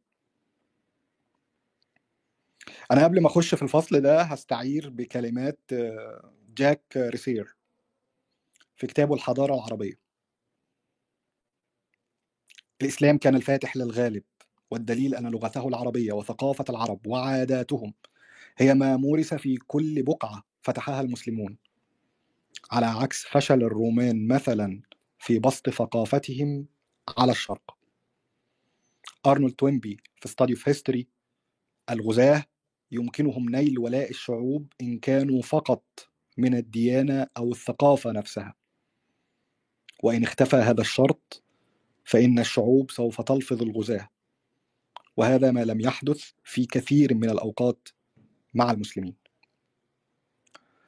آه على لسان زيجريد هونكا بتقول لقد كان هدف فتوحات الجيوش العربية هي بسط السيادة الإلهية في الأرض وليس نشر العقيدة الإسلامية. فالعكس صحيح. إذ ظل المسيحي على دينه واليهودي على دينه كما كان قبل فتح هذه البلاد ولم يمنعهم أحد أن يقيموا شعائر دينهم. ولم يضار قساوستهم أو كهنتهم أو كنائسهم ومعابدهم ولم يتعرض أحد لعبادتهم زيجرد هينكا بترد على اللي بيقول إن كان خضوع الشعوب المنهزمة لفرض الجزية من المسلمين عليهم. وبذلك كانوا يعتنقون الإسلام. ورد المؤرخة الألمانية كان كالتالي عندما كان المسلمون يدخلون كان المستقبلون يتأثرون بحضارة الفاتحين. يعني إيه يتأثرون بحضارة الفاتحين؟ كانوا بيطلقوا على أنفسهم أسماء عربية ويلبسون الملابس العربية يقلدون العرب في تقاليدهم. حتى مراسيم العرب في الزواج فعلوها. لم يجذبهم إلى العرب كرمهم وتسامحهم فقط بل وأسلوب معيشتهم والتمدين العربي. حتى الظرف والكرم والمروءة والفن والشعر. لقد تعلموا لغة العرب. وهنا آه، أسقف قرطبة كان اسمه ألفارو. حابب إن أنا أنقل بالنص الرسالة اللي دونها وكان أرسلها للبابا. قرأ كثير من إخواني في العقيدة أشعار العرب وقصصهم. ودرسوا كتب علماء الدين والفلسفة المسلمين. ليس لمعارضتها وإنما ليتعلموا منها كيف يكون التعبير باللغة العربية بأسلوب صحيح ورشيق. واليوم أين نجد واحدا من غير رجال الدين يقرأ شرحا أو تفسيرا للكتب الدينية باللغة اللاتينية؟ من منهم يدرس الأناجيل وكتب الأنبياء أو كتب الرسل؟ إن كل المسيحيين الشباب الذين يلفتون يلفتون يلفتون إليهم الأنظار ببراعتهم لا يعرفون إلا اللغة العربية والأدب العربي ويدرسون الكتب العربية بحماس. ويبذلون أموالا وفيرة في اقتناء مكتبات كبيرة لهذه الكتب. ويذيعون في كل مكان بصوت عالي أن الأدب العربي جدير بالاحترام والتقدير. ولو حدثهم أحد عن الكتب المسيحية محاولا إقناعهم بالاحتجاج بها فإنهم يجيبونه باستخفاف بأن هذه الكتب لا تستحق تقديرهم. يا للمصيبة لقد نسح لقد نسى المسيحيون حتى لغتهم.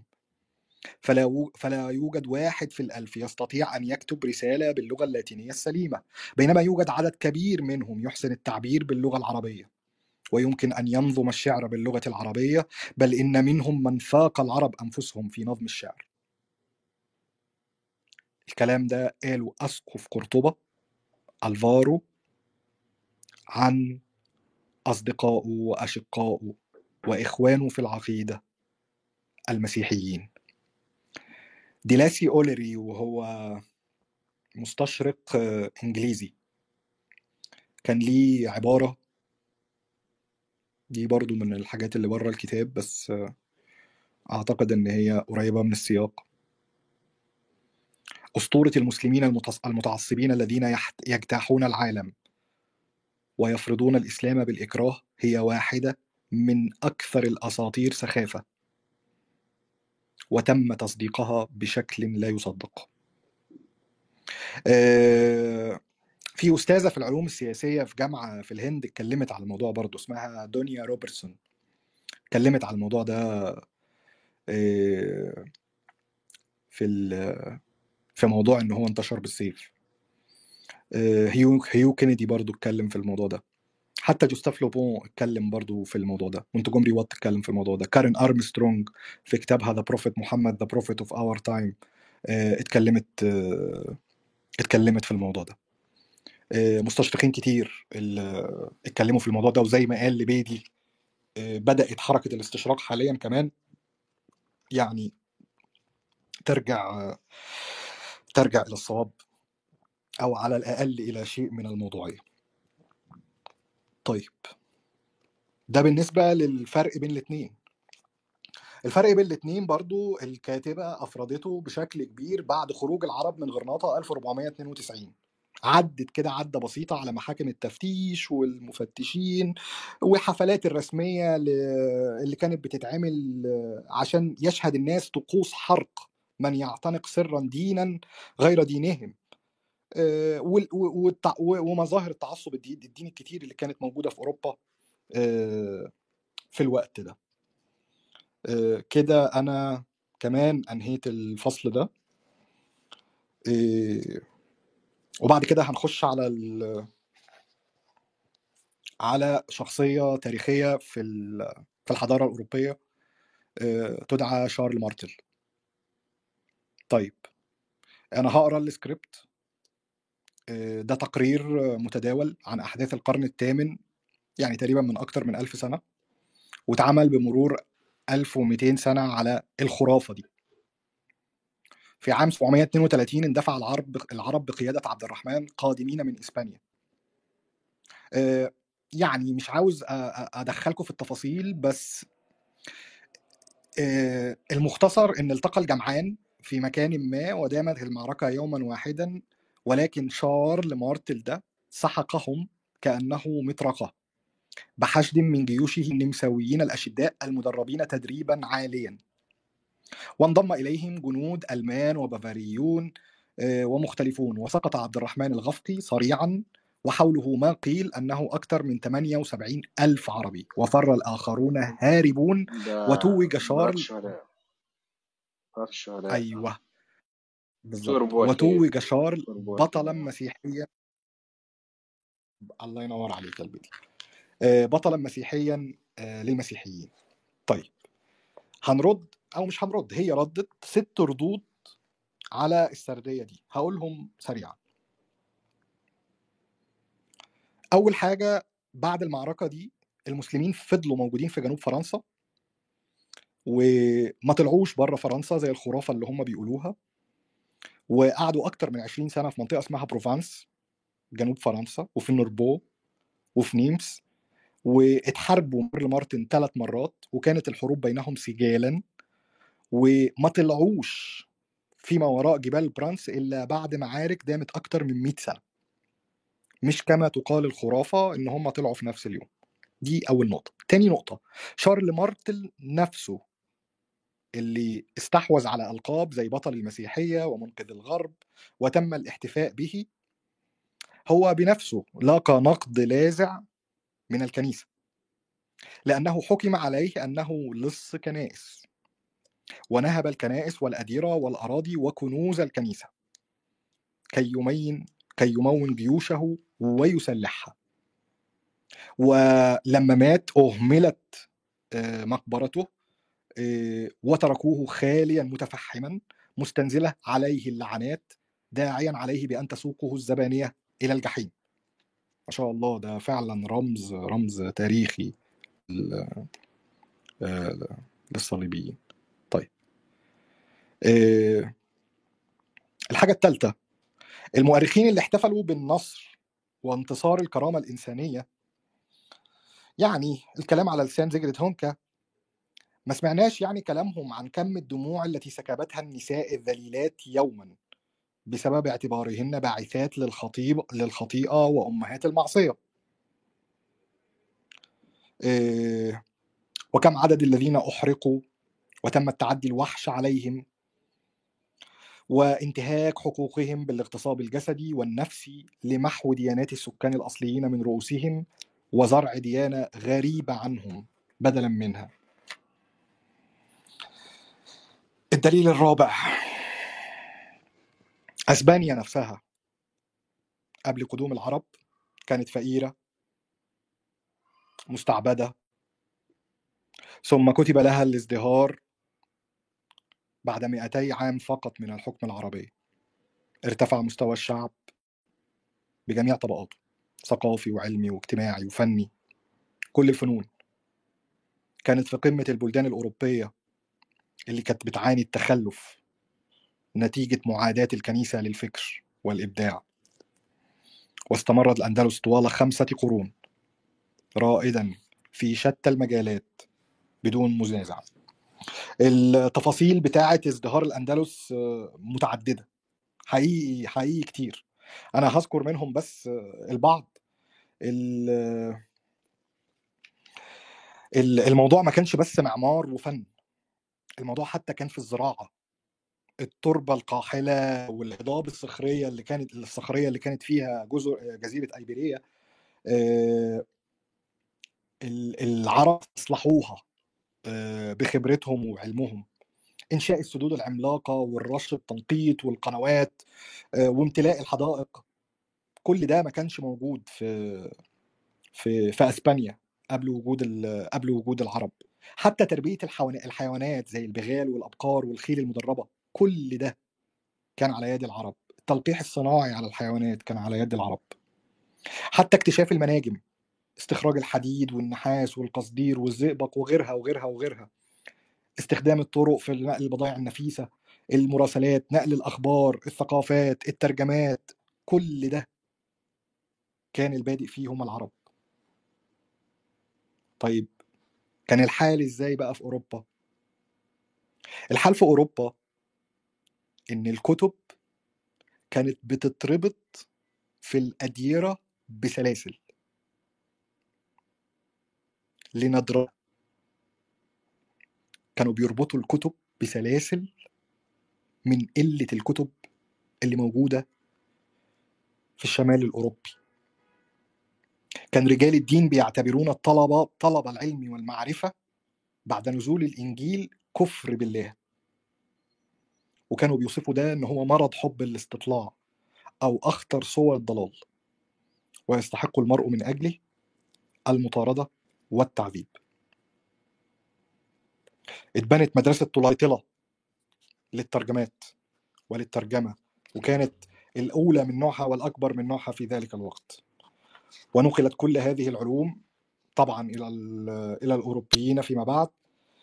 آه، عن طريق بقى يا إما تجارة يا إما حروب يا إما الترجمات يا اما يعني كل العلوم دي تم آه، فيما بعد لل للأوروبيين. الفصل اللي بعديه بيتكلم عن اللي كان بيقوله صديقي نووي. اضطهاد الإسلام للمرأة. الصورة اللي اللي عند الأوروبيين دايما زي ما قال آه، نووي بالظبط. موجودة مخلوقة أصلا لإرضاء وإشباع شهوات الرجال وفقط. بلا روح ولا حقوق. مضطهدات زي البضاعة بالظبط بيتباعوا وبيشتريهم الرجالة. محبوسين في أسوار محطوطين في جو حارق خانق شديد الرطوبة حتى تقع عليهم أنظار الرجال. طيب. زيجرد هينكا ردت في العديد من النقاط. أولها قول الله تعالى ولهن مثل الذي بالمعروف. وحتى لما انتهت الآية بأن وللرجال عليهن درجة قالت وهذا فطاعتهن للرجال واجبة ولا يجد العربي أي تناقض في ذلك لأن هذا لا صلة له بالمكانة أو أو الدرجة الأخلاقية في الدين. لأن المرأة في الإسلام لم تعد وارثة الخطيئة أو الإثم. فالجنسان متساويان وكلاهما رزق الروح التي لا تموت. وقالت برضو أوصى النبي قبل وفاته الرجال بالنساء خيرا. عندما قال واستوصوا بالنساء خيرا وإن لنسائكم عليكم حقا وأحسنوا معاملتهن لقد أخذتموهن وديعة من الله. وقد أوصى بالأمهات أكثر من وصيته بالآباء عندما قال الجنة تحت أقدام الأمهات.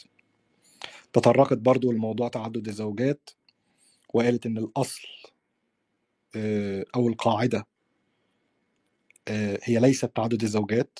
تعدد الزوجات إنما هو استثناء وله شروط آه، وذكرت الآية بسم الله الرحمن الرحيم فانكحوا ما طاب لكم من النساء مثنى وثلاث ورباع فإن خفتم ألا تعدلوا. فواحدة آه، وفي سورة النساء برضو ولن تستطيعوا أن تعدلوا بين النساء ولو حرصتم. آه، اتكلمت برضو على فكرة تطليق النساء اتكلمت عن اللي هو الصداق فكرة إن المرأة كانت سلعة بيدفع الرجل ثمنا لها هي شايفة إن هذا غير صحيح. فالرجل كان يعطي عروسه صداقا تأخذ نصفه قبل العرس ولها الحق المطلق في التصرف فيه. أما النصف الآخر وهو مؤخر الصداق فهو لها أيضا إذا ما طلقت حتى تكون مؤمنة ماد- ماديا. تطرقت برضو لبعض دور زوجات النبي عليه أفضل الصلاة والسلام سواء كانت أم المؤمنين آه، أمهات المؤمنين كلهم. اتكلمت إن هم كانوا يتمتعن بالحرية والاستقلالية وكان ليهم أدوار قيادية في المعارك الحربية وأدوار قيادية في الحياة الاجتماعية. وحتى إنها أبرزت إن زوجة النبي عائشة رضي الله عنها آه، كان له كان لها منزلة رفيعة رفيعة بين من جمعوا أحاديث الرسول. طبعا كل المسلمين عارفين الكلام ده. عارفين كمان النساء كانوا يتعلمن بالمساجد ويعلمن الناس بها. آه، وكانوا موجودين كمان في مناصب القضاء. آه، ويلقين محاضرات عامة ولقب على إحداهن فقيهة الفقيهات.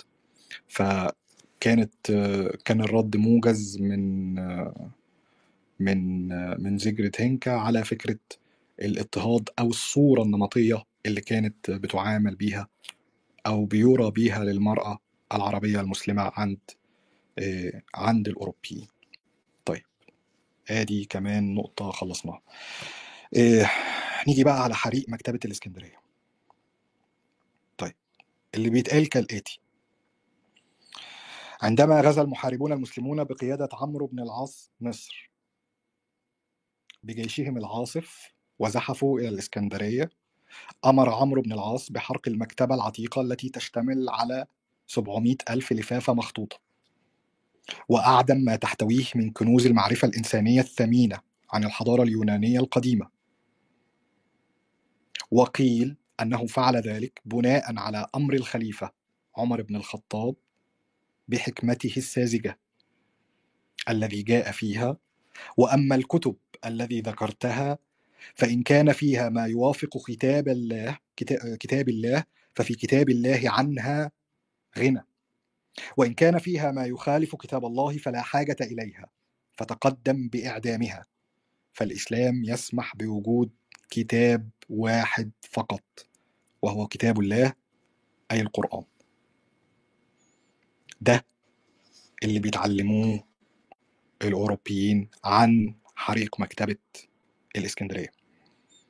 زيجرت هنكا بترد وبتقول ما هي الحقيقة التي يدونها التاريخ.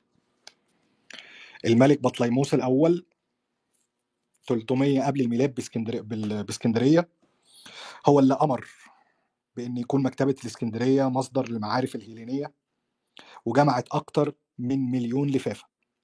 كلها كانت مدونة باللغة اليو- اليونانية. ضمت بقى كافة أنواع العلوم والمعارف آنذاك. احترقت سنة 47 قبل الميلاد عندما حاصر قيصر الإسكندرية ثم أعادت كليوباترا بناء المكتبة وتزويدها ببعض الكتب. ثم بدأ التدمير المخطط في بداية القرن الثالث قبل الميلاد إذ بدأ القيصر كاراكالا بإلغاء الأكاديمية وسفك دم العلماء في حمام دم وأباد المتعصبون الدينيون بقية المكتبة. الكلام ده كان 272 قبل ميلاد باعتبار أن ما فيها من الكتب من عمل الكفرة. 366 ميلادي حول القيصر فالنس المتحف إلى كنيسة ودمر مكتبتها وأحرقها وطارد علماءها لاتهامهم بممارسة السحر والشعوذة. 391 تسببت مواصلة تتبع الكفرة في إحراق المكتبة العامة والتي تضم ثلاثة آلاف مخطوطة وبني مكانها كنيسة ودير وفي القرن الخامس واصل جماعة من الشبان المراهقين المتحمسين الذين كانوا مجموعات تدمير كتب علوم الكفرة وفلسفاتهم بالإسكندرية. كما اعترف بعد ذلك البطريرك سيفروس فون أنتيوخان واعترف معه أحد أصدقائه بذلك دون خجل وقرروا أن هؤلاء الشبان قاموا بمباغتة العلماء الكفرة ومراكز الثقافة ودمروا المكتبات. عندما دخل العرب الإسكندرية لم يكن بها منذ زمن طويل أي مكتبة عتيقة. إيه، ده بالتفصيل من كتاب إيه، الله لي- ليس كمثله شيء على لسان زيجريد هينكا طيب أحد الأجزاء المهمة أن العرب ليس لهم قيمة ولم يقدموا للحضارة الإنسانية أي شيء وكل ما فعلوه هو أنهم كانوا نقلة للتراث اليوناني. طيب الرد على الكلام ده في العديد من النقاط. أولهم العرب هم الذين أنقذوا الحضارة الإغريقية الهيلينية من الضياع وليس الرومان أو البيزنطيين وليست الجماعات المسيحية. مش بس كده. ده هم كمان اللي أنقذوا حضارات من الاندثار زي حضارة المايا والإنكا التي كشفوا عنها وأخرجوها من الأنقاض التي ظلت فيها سجينة لقرون طويلة. دي النقطة الأولى. النقطة الثانية إن بعد ما العرب عملوا كده هم ما سابوش الكتابات دي محبوسة في مخازن مثلا مغلقة أو في سراديب لم يصل إليها النور. رمموها وأحيوها. وكانت بداية الأعمال الجليلة في في عهد الأمير الأموي خالد بن يزيد. خالد بن يزيد كان ابن يزيد بن معاوية وكان مهتم جدا بالترجمات. آه، وبعد كده قام الخلفاء بتأسيس أكاديميات منتظمة للمترجمين عشان تكون كنوز للمعرفة آه، باللغة العربية بأسلوب فهم الرجل البسيط. في طليطلة.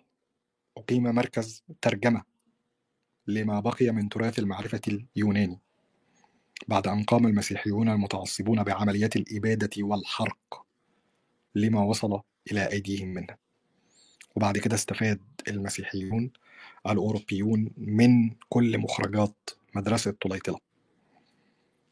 العجيب بقى إن أنت بتلاقي كتاب موسوعي زي تاريخ حضارة أوروبا من العصر القديم إلى الحاضر. 752 صفحة.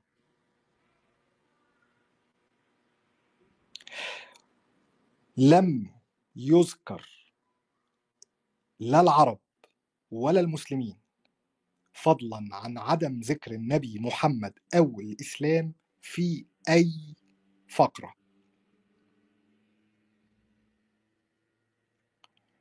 وكان رأي الكاتب اللي هو أرتور كيستلر. لم يكن العرب إلا وسطاء وحفظة ونقل للتراث ولم يمتلكوا سوى قدر ضئيل من المؤهلات العلمية والقدرة الإبداعية. ولم يضيفوا إلا كما ضئيلا من المعرفة يمكن الاستفادة منها. وفضلا عن ذلك لم يشجعوا العلوم النظرية. وكان احتكارهم عقيما. طب يا عم تعال نشوف بقى الاحتكار العقيم ده كان شكله عامل إزاي عشان أنا إيه بدأت أتعب. قلنا موضوع الترجمات وقلنا موضوع إنها ما كانتش حبيسه الفكر وقلنا موضوع إن الفكر العربي أصلا كان بيهتم بمعطيات الحقائق العلمية أكتر من الفكر الهندي مثلا اللي كان بي- بيقتصر على الاتجاه الذاتي اللي هو المادة لا غير أو الفكر اليوناني اللي كان بيرتقي من الخاص للعام. لأ.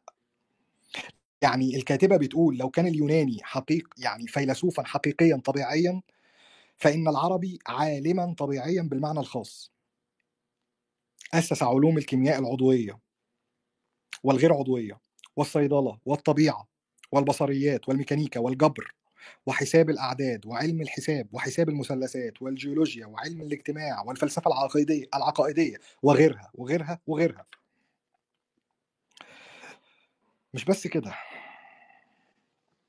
العرب مش بس ترجموا وزودوا على الإرث اليوناني وحموه وإرث الحضارات الأخرى ولم يضيفوا فقط الأبحاث العلوم التجريبية ولكنهم أيضا أمدوا الغرب بنتائج أبحاثهم الغنية وتجاربهم العملية. لم يحتكروها لهم بل إن هذه المعرفة هي أول شرارة لانطلاق العلم منذ القرن التاسع. الكلام على لسان زيجريد هينك. مش بس كده. العرب ال- الأوروبيين تمادوا في غفلتهم للدور العربي الإسلامي. مش بس مش بس نزعوا عنهم أخلاقهم أو فروسيتهم آه، مش بس استباحوا دمائهم وأصدروهم وسبوهم. وافتروا عليهم بأنهم لم يقدموا أي شيء للحضارة بل إنهم أيضا نسبوا لأنفسهم ما قد اخترعه واكتشفه العرب. مثلا زعمت الكتب التي تؤرخ للثقافة الأوروبية وبلا ملل أن الإيطالي فلافيو جيويا اخترع البوصلة عام 1302 ولكننا اليوم لسنا مقتنعين بذلك. إذ أن جابر بن حيان الذي عاش بالقرن الثامن الميلادي تمكن من إجراء تجاربه على البوصلة وأن التجار العرب وفقا لأقدم المصادر استخدموها في رحلاتهم البحرية الكبرى قبل ذلك بخمسة قرون لتحديد المسار في البحار. مثال تاني لم يتقبل الغرب حقيقة أن العرب هم الذين اخترعوا البارود. إذ أن هذا الاختراع خليق بأن ينسب إلى أوروبي بل الأفضل أن ينسب إلى مخترع ألماني يستحق عليه الثناء. ويا حبذا لو كان المخترع راهبا.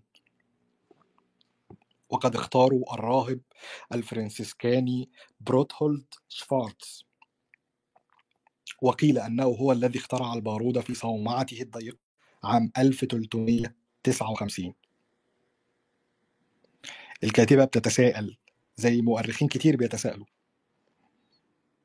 طيب إذا كان البارود اخترع سنة 1359 لماذا هربت جيوش أوروبا سنة 1325 و 1331 و 1341 وارتعدوا خوفا كأن يوم القيامة قد حل عندما برق وميض الطلقات التي تدوي كالرعد في ظلام الليل فوقهم من القصف العربي بالبارود. الطب كمثال ثالث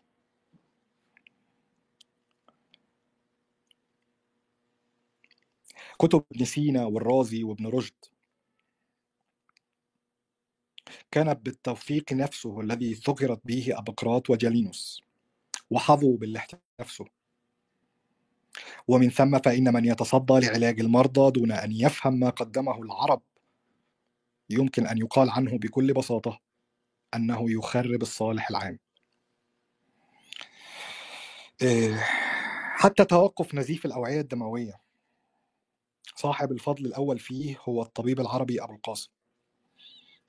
ولكن الغرب ينسب هذا الفضل إلى الجراح الفرنسي أمبرو باري الذي جاء بعده بستة قرون.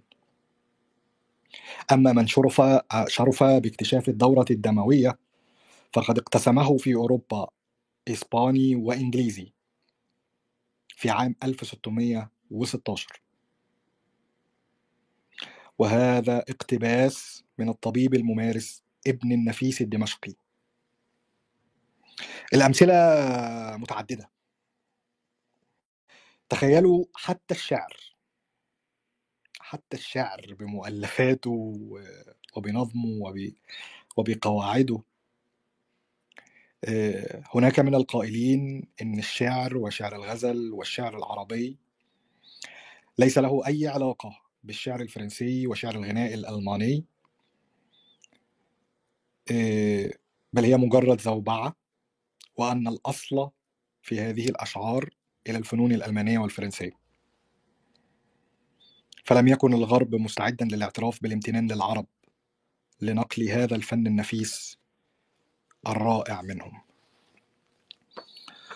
طيب إيه مش حابب مش حابب أطول عليكم أكتر من كده. حابب أروح على طول ل إيه، خاتمة الكتاب. إيه الكاتبة كان ليها سكريبت عجبني الحقيقة في نهاية الكتاب.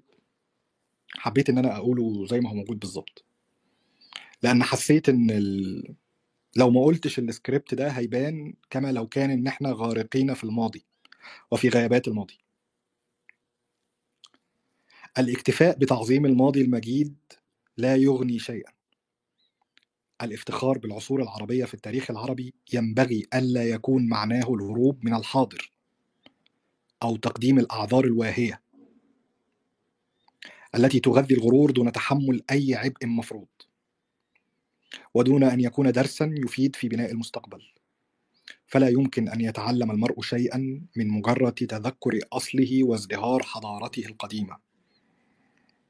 بل يجب عليه أن يتعرف أيضا على أسباب انهيارها لتجنب المخاطر التي أدت إلى هذا الانقيار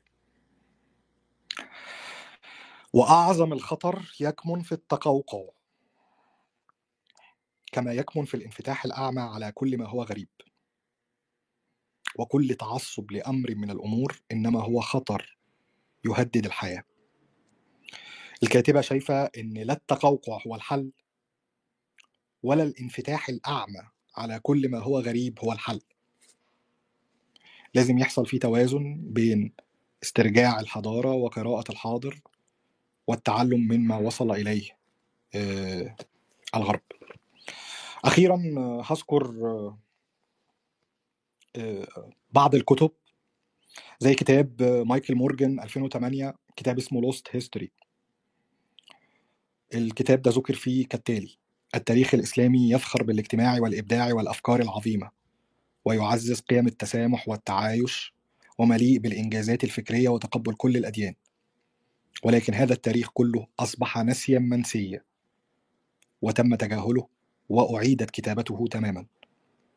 مارك جراهام في How Islam Created Modern World في 2006 كاتب في مقدمة الكتاب في المقدمة كالتالي هذه قصة يجب أن تروى فقد نسيت وحنطت بقاياها فيما لا يمكن إلا لحفنة من المتخصصين قراءته.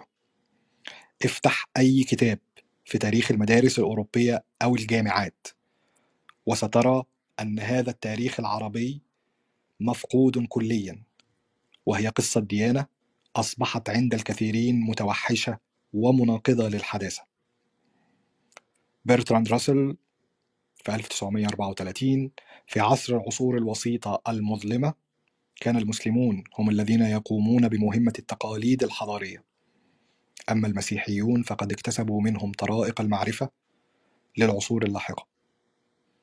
نيتشه لقد حرمتنا المسيحية من قطف ثمار الحضارة الإسلامية. لقد حارب الصليبيون شيئا لم يجدر بهم أن يحاربونه. حضارة يفترض بقرننا التاسع عشر أن تشعر بالفقر والتأخر أمامها. آه، المراجع آه، موجودة أي حد عايز يسأل على أي كتاب أنا تحت أمره. الموضوع بتاع الاستشراق متشعب. أنا آسف أنا بعتذر إذا كنت طولت أو خرجت بره الكتاب في تفاصيل متعددة. بس أنا حاولت حاولت إن أنا يعني الناس تكون ملمة بالموضوع من كل جوانبه وتفهم السياقات التاريخية آه، والحربية آه، لكل لكل الأمور. آه، بشكركم يا جماعة على حسن الاستماع و mic free وشوفوا يا جماعة لو عاوزين تطلعوا الناس آه، عاوزين تقفلوا ال room. mic free.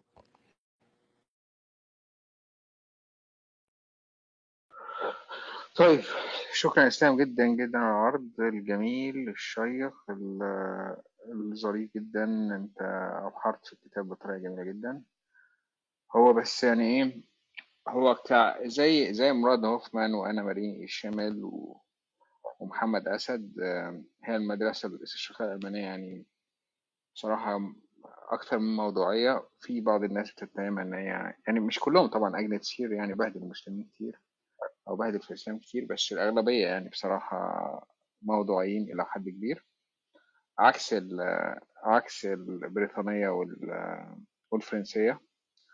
وإن كان يعني في بعض المؤرخين سوري المستشرقين الفرنسيين والبريطانيين كانوا موضوعيين بس الأغلبية العظمى كانوا بيتعاملوا مع نظرتهم للشرق كأنه نظرة استعلائية وكأنه الآخر يعني نحت للآخر العدو لينا يعني.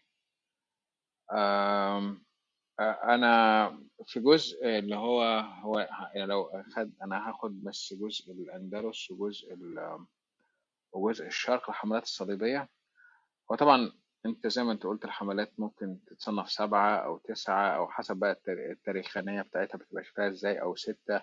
طبعا أشهرهم التانية والتالتة اللي هي بتاعت آه، حطين آه، لمعركة حطين الفاصلة أو آه، حملة بتاعت ريتشارد قابل أسد لكن اوفرول يعني آه، الحملات الصليبية كانت تعبير كبير قوي من الغرب على على فكرة نحت الآخر وإن هما رايحين أنا بعتبرها أسباب اقتصادية بحتة. آم، آه، آه، على فكرة في قصة طريفة صح؟ أنت كنت قلت موضوع صلاح الدين بس في قصة إنها بتتقال إن هو إن هو كان يعني كان في كده مشروع بينه وبين بين شيخ أبو الأسد بعد صلح الرملة إن يجوز أخوه الملك العادل إذا العادل مش الكامل العادل تقريبا لأخت ريتشارد بس الموضوع لم يوفق يعني. معرفش القصة دي حقيقية ولا لأ بس بتذكر في التاريخ. آه ممكن تبقى خاطئة يعني معلومة خاطئة مش مؤكدة. آم، هي كانت طبعا معمولة ب- يعني الحملات كلها معمولة بدافع من الكراهية آه، كبيرة جدا. آه، بالنسبة للأندلس كنا في الشات يعني عمالين نتكلم مع الشباب يعني. لا هو طبعا الأندلس آه، أو شبه جزيرة إيبيرية قبل دخول المسلمين في 711 ميلادية. غير بعد طبعا بعد المسلمين يعني فكرة الزراعة والري وشق القنوات والهندسة المعمارية لا كان تاريخ أعظم تاريخ عظيم يعني. كان فكرة أنا فاكر كانوا بيقولوا شعار المناهج جت قرطبة وكانت قرطبة فيها إنارة كانت بتت- بتتغنى بقرطبة آه، فكرة ال- التراجم وال... وال... ومثلا دلوقتي أنت بتشوف أسبانيا نفسها وتروح قرطبة بتلاقي تمثال لابن رشد وابن حزم وابن ميمون وتمثال عبد الرحمن ال- الداخل في مدينة المنكب. الاحتفاء بالحض... بالاحتفاء بالتاريخ بتاعهم كان طبعا على عكس زمان بس هم بدأوا يتصالحوا مع الماضي بتاعهم إلى حد كبير طبعا وبدأوا ينبذوا ما يسمى بمحاكم التفتيش اللي كانت بتحصل طبعا بعد حروب الاسترداد وبعد الكتلكة الإجبارية وبعد كده طرد ال- المسلمين طرد اليهود الأول بعد كده المسلمين من الأندلس نهائيا. آه، كان فترة من الفترات يعني من أحد الممالك اللي هي في فالنسيا وغيرها كانوا ب... ب... مش عايزين موضوع طرد المسلمين لأنه يقول لك اللي عند اللي هو مسلم يعني كانوا بيقولوا عليه المورو. اللي عنده في ترجمة كده يقول لك اللي عنده مورو يعني عنده or أو gold يعني. اللي معاه عامل مسلم يعني كأنه معاه ذهب لأن هو كان عامل ماهر و و و و skilled يعني فاهم؟ فلا ال- الفكرة ال- التأثير بتاعهم وحتى التأثير بعد كده أنا بتكلم ليه بعد كده إن بقت الإمبراطورية الإسبانية والبرتغالية سادوا العالم لقرنين من الزمان اتليست يعني. بعد بعد بعد طبعا آه، الأندلس لأن اللي حصل الأندلس الاحتلال طبعا بال- الأندلس قبل دخول آه، طارق بن زياد غير ومعركة وادي لكة وكده غير بعدها. آه في معركة تور بواتيه أنا فاكر كان مش عارف شاتو براين ولا تور فرانس. أنا مش مش متذكر. كان بيتكلم إن هي كانت هزيمة تاريخية لل- للحضارة أمام الهمجية والبربرية شارل مارتل يعني هي هزيمة عبد الرحمن غافقي بالتحديد يعني. كانوا بيتكلموا على حاجة زي كده إن هو كان هتبقى فيه فرصة إن أوروبا تخش آه، ركب الحضارة بدري. آه، طبعا أرجع طبعا أقول برضو المدرسة الاستشراقية الألمانية آه، مش عارف في سر بينها وبين تونس والمغرب والجزائر يعني في كده connection connection عجيب يعني في الموضوع ده. آه، يمكن البلاد دي ليها سحر خاص أو ليها سحر مع الألمان. آه، ده كان واضح جدا. آه، آه، أنا أنا لا زلت لا زلت يعني بعتبرها من أرقى المدارس الاستشراقية في العالم يعني اللي شفناها يعني.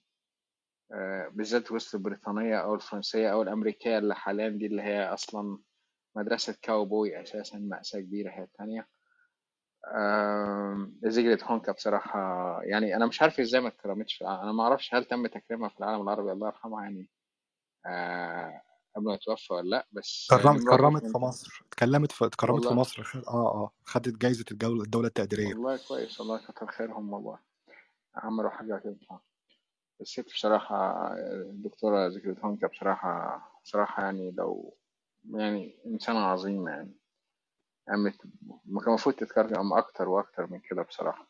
لأن إسهاماتها لتوضيح الصورة المغلوطة المشوهة عن الحضارة الحضارة العربية الإسلامية اللي كانت سايدة في الفترة دي آه، وفعلا أنارت أوروبا. كانت جسر بين الحضارة اليونانية وعصور النهضة والأنوار اللي بعد كده في أوروبا. صراحة لا وشكرا إسلام على العرض الجميل للكتاب شكرا جدا ليك. ولو طيب حد عايز يرفع إيده اتفضل. اتفضل يا لا لا خالص. والناس يا جماعة اللي يشتركوا ممكن يشتركوا في النادي ويرفعوا ايديهم ال hand raise ايديهم مفتوح تاني حاجة بس إحنا بنناقش كتاب. مفيش طرح بيتقال. فالقصة بتاعت إن رأي نيتشه في الإسلام واللي عايز يدور على الحاجات اللطيفه دي في بره كده رومات لطيفة ممكن يخش يشترك فيها وهيلاقي فيها اللي هو عايزه. هنا كان إحنا بنناقش الكتاب. الكتاب الراجل اللي اتكلم فيه في الأول على عرضه عرضه بالكامل. الكتاب موجود على القناة اللي فوق لو حد حابب يستزيد يعني. الناس اللي شايفة إن هو دي مقولات من الصحوة الإسلامية أو إن هي حاجات مش ملهاش دليل ولا مرجع فهو ممكن يرجع للكاتبة ويطلب منها مراجعة بشكل واضح يعني. أو يرفع إيده ويكلمنا. بس. هو في حاجة كمان يعني ما أنا يا جماعة كنت حريص جدا إن أي حاجة أقولها أقول اسم الكتاب. أه لو الناس مش مصدقة إن نيتشه قال كده نيتشه قال كده في كتابه ذا أنتي كريست نفس اللفظ مترجم للعربية زي ما أنا قلته بالظبط. كون بقى إن رأيه في الإسلام أو في الأديان كلها مختلف أنا ما تطرقتش لرأي أي حد من دول في الدين ولا حتى أنا اتكلمت أصلا عن عن الدين. أنا بتكلم عن أفعال إنسانية حضارية نسبت بالخطأ لطائفة أو لمنطقة معينة في وقت معين في الحضارة الإنسانية واستشهدت بكل كلمة من كتاب. والأهم من ده إن أنا كنت حريص إن أنا ما استشهدش بأي مؤرخ أو كاتب عربي. ويمكن كمان مسلم. أغلبهم أوروبيين. إن ما كانوش كلهم أوروبيين. وأغلبهم طبعا لا ينتمون إلى الإسلام. فمش عارف مش عارف إيه اللي ممكن تاني يتعمل عشان الناس تعرف إن اللي بيتقال من افتراءات فعلا جزء كبير منه لم يحدث. السيد السيد عمر بسيسو طبعا. انت حضرت انت مش كنت معانا يا عمر ساعة مراد هوفمان انت ودكتور فراس ما ده ما كنت نادي معاك المدرسة آه. المدرسة الاستشراقية الألمانية اتفضل يا عمر. يا باشمهندس عمر. لا لا لا أنا طالع أشكر اسلام أخيرا أخيرا عرفت أوفق ميعاد واسمعك يا اسلام آه، في روم كاملة. وبصراحة طرح عظيم. وأشكرك آه، للوضوح آه، والموضوع زي ما قال نواي الموضوع إن إحنا عايزين نطرح بموضوعية مواضيع كتير فيها ال- ال- اللي هو الكلام المغلوط اللي بيحصل الكلام ده ما فيش حد يا جدعان هنا بيطلع يقول إنه تاريخ أمة من البشر هو بكامله نقي أو بكامله إيجابي وما فيهوش سلبيات ولا العكس. وأنا عجبني اللي في الطرح إنه حتى إسلام لما خرج بره الكتب هو كان بيخرج بموضوعية وبيجيب الد- الدليل والمصادر. وحتى لو في ناس معترضة على المصادر ده صدقوني لو حد فتح room بتقول ده في مصادر تانية بتحكي التاريخ بشكل تاني وطرحوها بنفس الموضوعية دي هنكون إحنا أول ناس تحت قاعدين بنسمع برضه. وتاني حاجة بقى يا إسلام هزار وبروباجندا. إحنا هنفتح room ل... الأسبوع الجاي عشان موضوع إزاي تعمل فلوس أونلاين وأنا شايف إن أنت ممكن تقطع الفلوس أونلاين لو بديت تعمل audio books بصوتك ده. وصباحكم زي الفل. يلا يا إسلام. هتعمل دولارات. اتفضل دكتور فراس. شكرا يا عمر. اتفضل يا دكتور فراس. أنا جاي. فلوس أنا جاي على طول.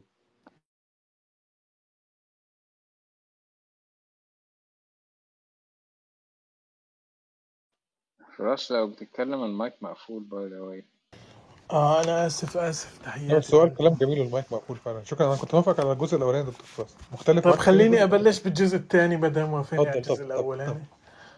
أنت أيوبي يا آم دكتور فراس من كرد أنا أمي أيوبية. آه أمي okay أيوبية من يعني أمي أيوبية أصلية عرفت كيف؟ يعني مش اسم على اسم. على كل الأحوال أنا أنا أول شيء بدي أتشكر آه، صديقي إسلام وهذا طبيعي كل الصيادله لما بيراجعوا كتب بيكونوا ممتعين. آه الشيء الثاني حقيقة بدي أشير له إنه أنا إسلام تحدث كثير عن الكتاب فلذلك أنا بدي أحكي عن أمر آخر متصل بالكتاب ولكن آه، آه، أو يساهم الكتاب بتبديده إلى حد ما. هو هو مفهوم اللي آه، اللي يعني ممكن نسميه اللي هو المعرفة الكولونيالية. لأنه القسم الأكبر من معارفنا آه، اللي أخذناه من المدارس أو درسناه أو آه، كشعوب تم استعمارها كشعوب تم السيطرة عليها آه، هو هو قائم على المعرفة الكولونيالية بشكل رئيسي. آه، وهذه المعرفة الكولونيالية آه، حقيقة آه، ساهم مثلا كتابات أنور عبد المالك أو إدوارد سعيد وكثير يعني كثيرين حقيقة. في المشرق العربي قليلين الأسماء اللي نحن عندنا مشكلة كأن بالاقتراب من هذا الحقل البحثي. لكن آه، مثلا على المسا... آه، بالهند في المكسيك في لاتين أمريكا في أعمال رائعة. الهنود عندهم هومو بابا آه، آه، أسماء كبيرة اشتغلت على البوست كولونياليزم لكن المسألة المهمة أنا حاب أحكي فيها أنه جزء كبير من تاريخنا وأهمية التاريخ هو يعكس كيف ننظر لذواتنا. يعني الإنسان هو بمعنى الثقافي والحضاري هو متصل. أنا ما ما فيني أعمل قطيعة مع السابق لأني ما بقدر أمشي لقدام. آه، أنا محتاج أي جذر أو أي أي اتصال بماضي ما أو ب- بأفكار معينة. ممكن أستوردها آه، وهذا الحاصل حقيقة في حالتنا أو ممكن أنا آم، أبني على على السابق. والسابق ليس دائما ورديا هو حالة إنسانية. فيها شيء جميل فيها شيء عاطل فيها أكيد يعني هم بشر. إذا كانوا ملائكة فهم لا من علاقة فيهم أصلا. آه، لكن المعرفة الكولونيالية هي تعيد إنتاج هذا التاريخ آه، بشكل مقصود. وهذه عملية آه، لذلك نحن بنجد أنه مثلا الأنثروبولوجي هي ارتبطت بالكولونيالية بالبداية. يعني أول باحثين الأنثروبولوجيين كانوا مرافقين للحملات حملات الاستعمار بشكل عام. وإذا نحن راجعنا مثلا كثير من الذين كانوا أسماء كبيرة نحن بنعرفها من الاستعمار كانوا كانوا لهم اهتمام بالتاريخ أو هن مؤرخين بشكل ما. المعرفة الاستعمارية أو المعرفة الكولونيالية والاستعمار لأنه لفظ إيجابي باللغة العربية بالمناسبة. وهذا كمان يعني دليل على كيف المعاني بتتغير؟ المعرفة الكولونيالية هي بتقوم على ثنائيتين مهمتين. الثنائية الأولى هي الاختلاف والثنائية الثانية هي المعرفة بحد ذاتها. الاختلاف بأنه وهون بمعنى وليش أنا أشرت للأنثروبولوجي؟ بمعنى أنه بالتفريق بين هذه الأعراق وسياقاتها الثقافية وإلى آخره وبتركز على غرس الدونية بداخل الشعوب المغلوبة أو الشعوب اللي تم استعمارها. وبالتالي وهذا الغرس بالدونية بيأتي من إعادة إنتاج تاريخه مرة أخرى بشكل آه، يعطي إنه سلفكم عبارة عن همج. وهون اللي بتأتي المعرفة بأهميتها إنه هي تركز المبرر الأخلاقي لهذه عملية الاستعمار. لبشاعة عملية الاستعمار هو يريد مبرر اخلاقي لهذا اللي هو الرسالة الحضارية لإخراج هؤلاء الهمج من الحالة الهمجية اللي هم عايشين فيها لحاله مدنيه التي معيارها نحن آه، الغرب هون الغرب بالمعنى الثقافي طبعا. فإذا عملية الاختلاف أن تغرس هذه الدونية بهذول الناس. وبالتالي حتى لما هو يعود يقرأ شيء لاحظوا أنه إحنا يعني ذكرنا كل المستشرقين أو علماء التاريخ اللي تحدثوا عن حرق آه، أو كثير مننا عفوا مش الكل تحدثوا عن حرق الإسكندرية. لكن في مؤرخ مشهور مصري عزيز سوريال اللي هو مؤرخ الكنيسة كان تاريخ الكنيسة هو تحدث عنها أقوى من كل هؤلاء بالمناسبة. آه، لذلك دائما عندنا عقدة الخواجة وهي جاية من المعرفة الكولونيالية بالمناسبة. لا الشيء الثاني اللي هو المعرفة التي تلحقك بالمعيار وهذا يخلق من مجتمعات ثانوية تابعة. معيارها هو الغرب وبالتالي دائما الغرب الثقافي دائما نحن لدينا نوع من المعرفة التابعة وهذا هو لب المعرفة الكولونيالية. إذا الاختلاف أن تعيد إنتاج تاريخه مرة أخرى وثم تنتقل لمعرفة ترسيخ المعرفة وهي المرحلة الثانية بأنه آه، المعيار هو هذا وهذا هذا المعيار آه، دائما يلاحقنا. ولذلك مشاريعنا دائما تراكم فشل لأنه نحن عم نقلد بمعزل عن سياقنا التاريخي بمعزل عن سياقنا الاجتماعي. تمام؟ آه, آه، لأنه بالنهاية تاريخ البشر هو عبارة عن تراكمات. آه التعامل مع الإنسان على أنه كتلة عقلانية وممكن تقسيمها هذا كلام يعني ثبت إنه غير غير عملي وغير صحيح. آه فالشيء الثاني أنا حبيت كمان آه أشير إليه اللي هو أنا وشكر كثير اسلام لما حكى إنه عن تمييز بين حروب الصليبية وحروب الفرنجة أنا كثير بيستفزني حقيقة تسمية لما نتم نتبنى اسم الحروب الصليبية لأنه هذا مسيء للمسيحيين اللي آه، كانوا في بلادنا اللي هم أصلا من سكان بلاد أصليين يعني مش كانوا وافدين. آه، وتم ذبحهم يعني. الحملة الصليبية أنت أشرت للمذبحة في القدس ولكن قبلها حملة الصليبية اللي هي كان سميت حملة الفلاحين. ذبحوا الناس في القسطنطينية لأنهم هن أرثوذكس. آه وبالتالي آه آه هذه حروب فرنجة الفرانك يعني اللي هن كانوا وقتها. نحن عم نتحدث عن الإمبراطورية الرومانية المقدسة اللي هي تطور القبائل الجرمانية اللي أسقطت روما ثم كونت إمبراطورية. وأنت أشرت إسلام لأنه هو الملك الألماني. هو كان فريدريتش هو كان آه، ملك بروسيا ألمانيا فيما بعد تكونت. ولكن مش بغض النظر عن كيف تكونت الأمر.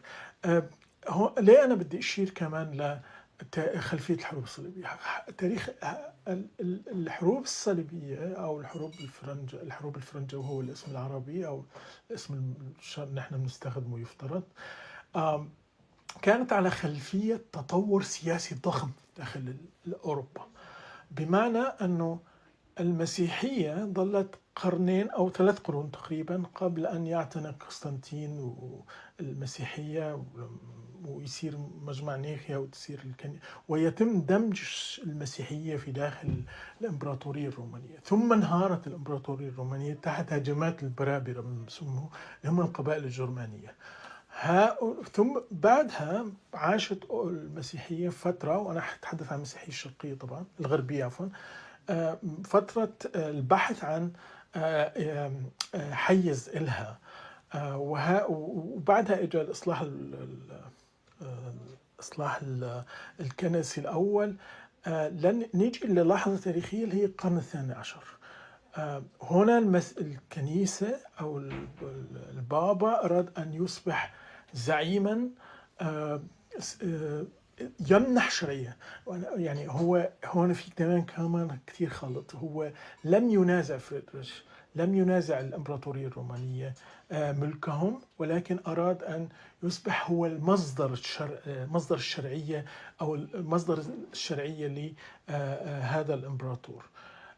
في في مرحلة فريدريك الأول بدأ الصراع ما بينهم على لأنه وقت الدولة يعني في كان مجمع لاتران اللي هو اجى في القرن الحادي عشر اللي عمل مؤسسات كنسية آه، تقلص من تدخلات الأمراء والملوك وبالتالي بلش هون صراع بين الدولة. هذا الصراع أراد البابا أن آه، يدفع باتجاه آه، حروب وباتجاه كثير من الأشياء اللي حصلت ضد العصور الدموية.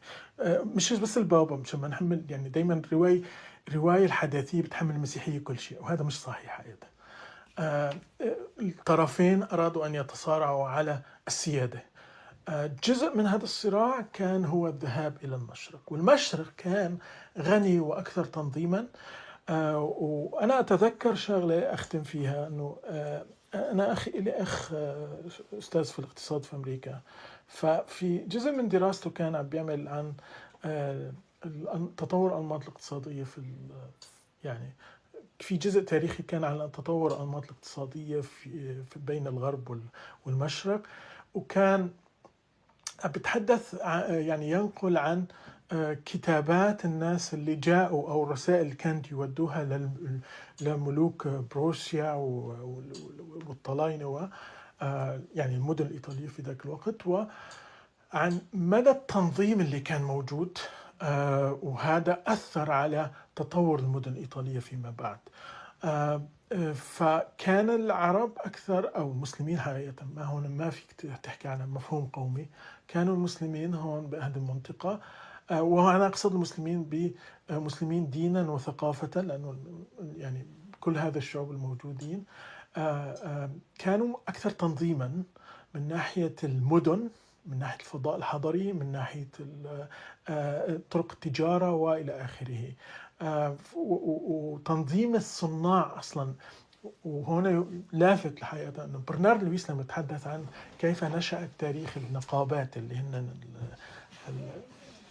شهبندر التجار أو شيخ الصنعة. حقيقة هم انتقلت لأوروبا. هذا المفهوم انتقل من من المشرق العربي في هذيك المرحلة بالمناسبة. آه وبالنهاية أنا بدي أتشكركم كثير على على على الغرفة وعلى النقاش هذا. و وأتمنى انه يكون في غرف مستقبلية يكون فيها حديث عن عن المعرفة الكولونيالية. وفي كتب كثير حقيقه حتى موجودة في اللغة العربية. منها كتاب بجزئين جميل حقيقة اللي هو نموذج المستعمر. الجزء الثاني منه هو كتاب محرر له عدد من الكتاب ممكن واحد ياخذه بالتدريج. آه، لأنه آه، أنا برأيي إنه لازم نتجاوز النقاشات اللي دائما بتصير بين يسار وبين تقليديين وكذا بما يتعلق بطروحة الاستشراق لسعيد. لأنه أصبح ما بعد الصعيد يعني. آه، آه، ونعيد فعلا نفهم أنه هذا الموضوع آه، اللي هو المعرفة الكولونيالية هو هو هو نمذج معرفتنا بطريقة نحن بشكل لا شعوري بنبلش نحط معايير هي هي بالضرورة ليست صحيحة. آه، وشكرا جزيلا لكم وأنا آسف إذا طولت طبعا وشكرا.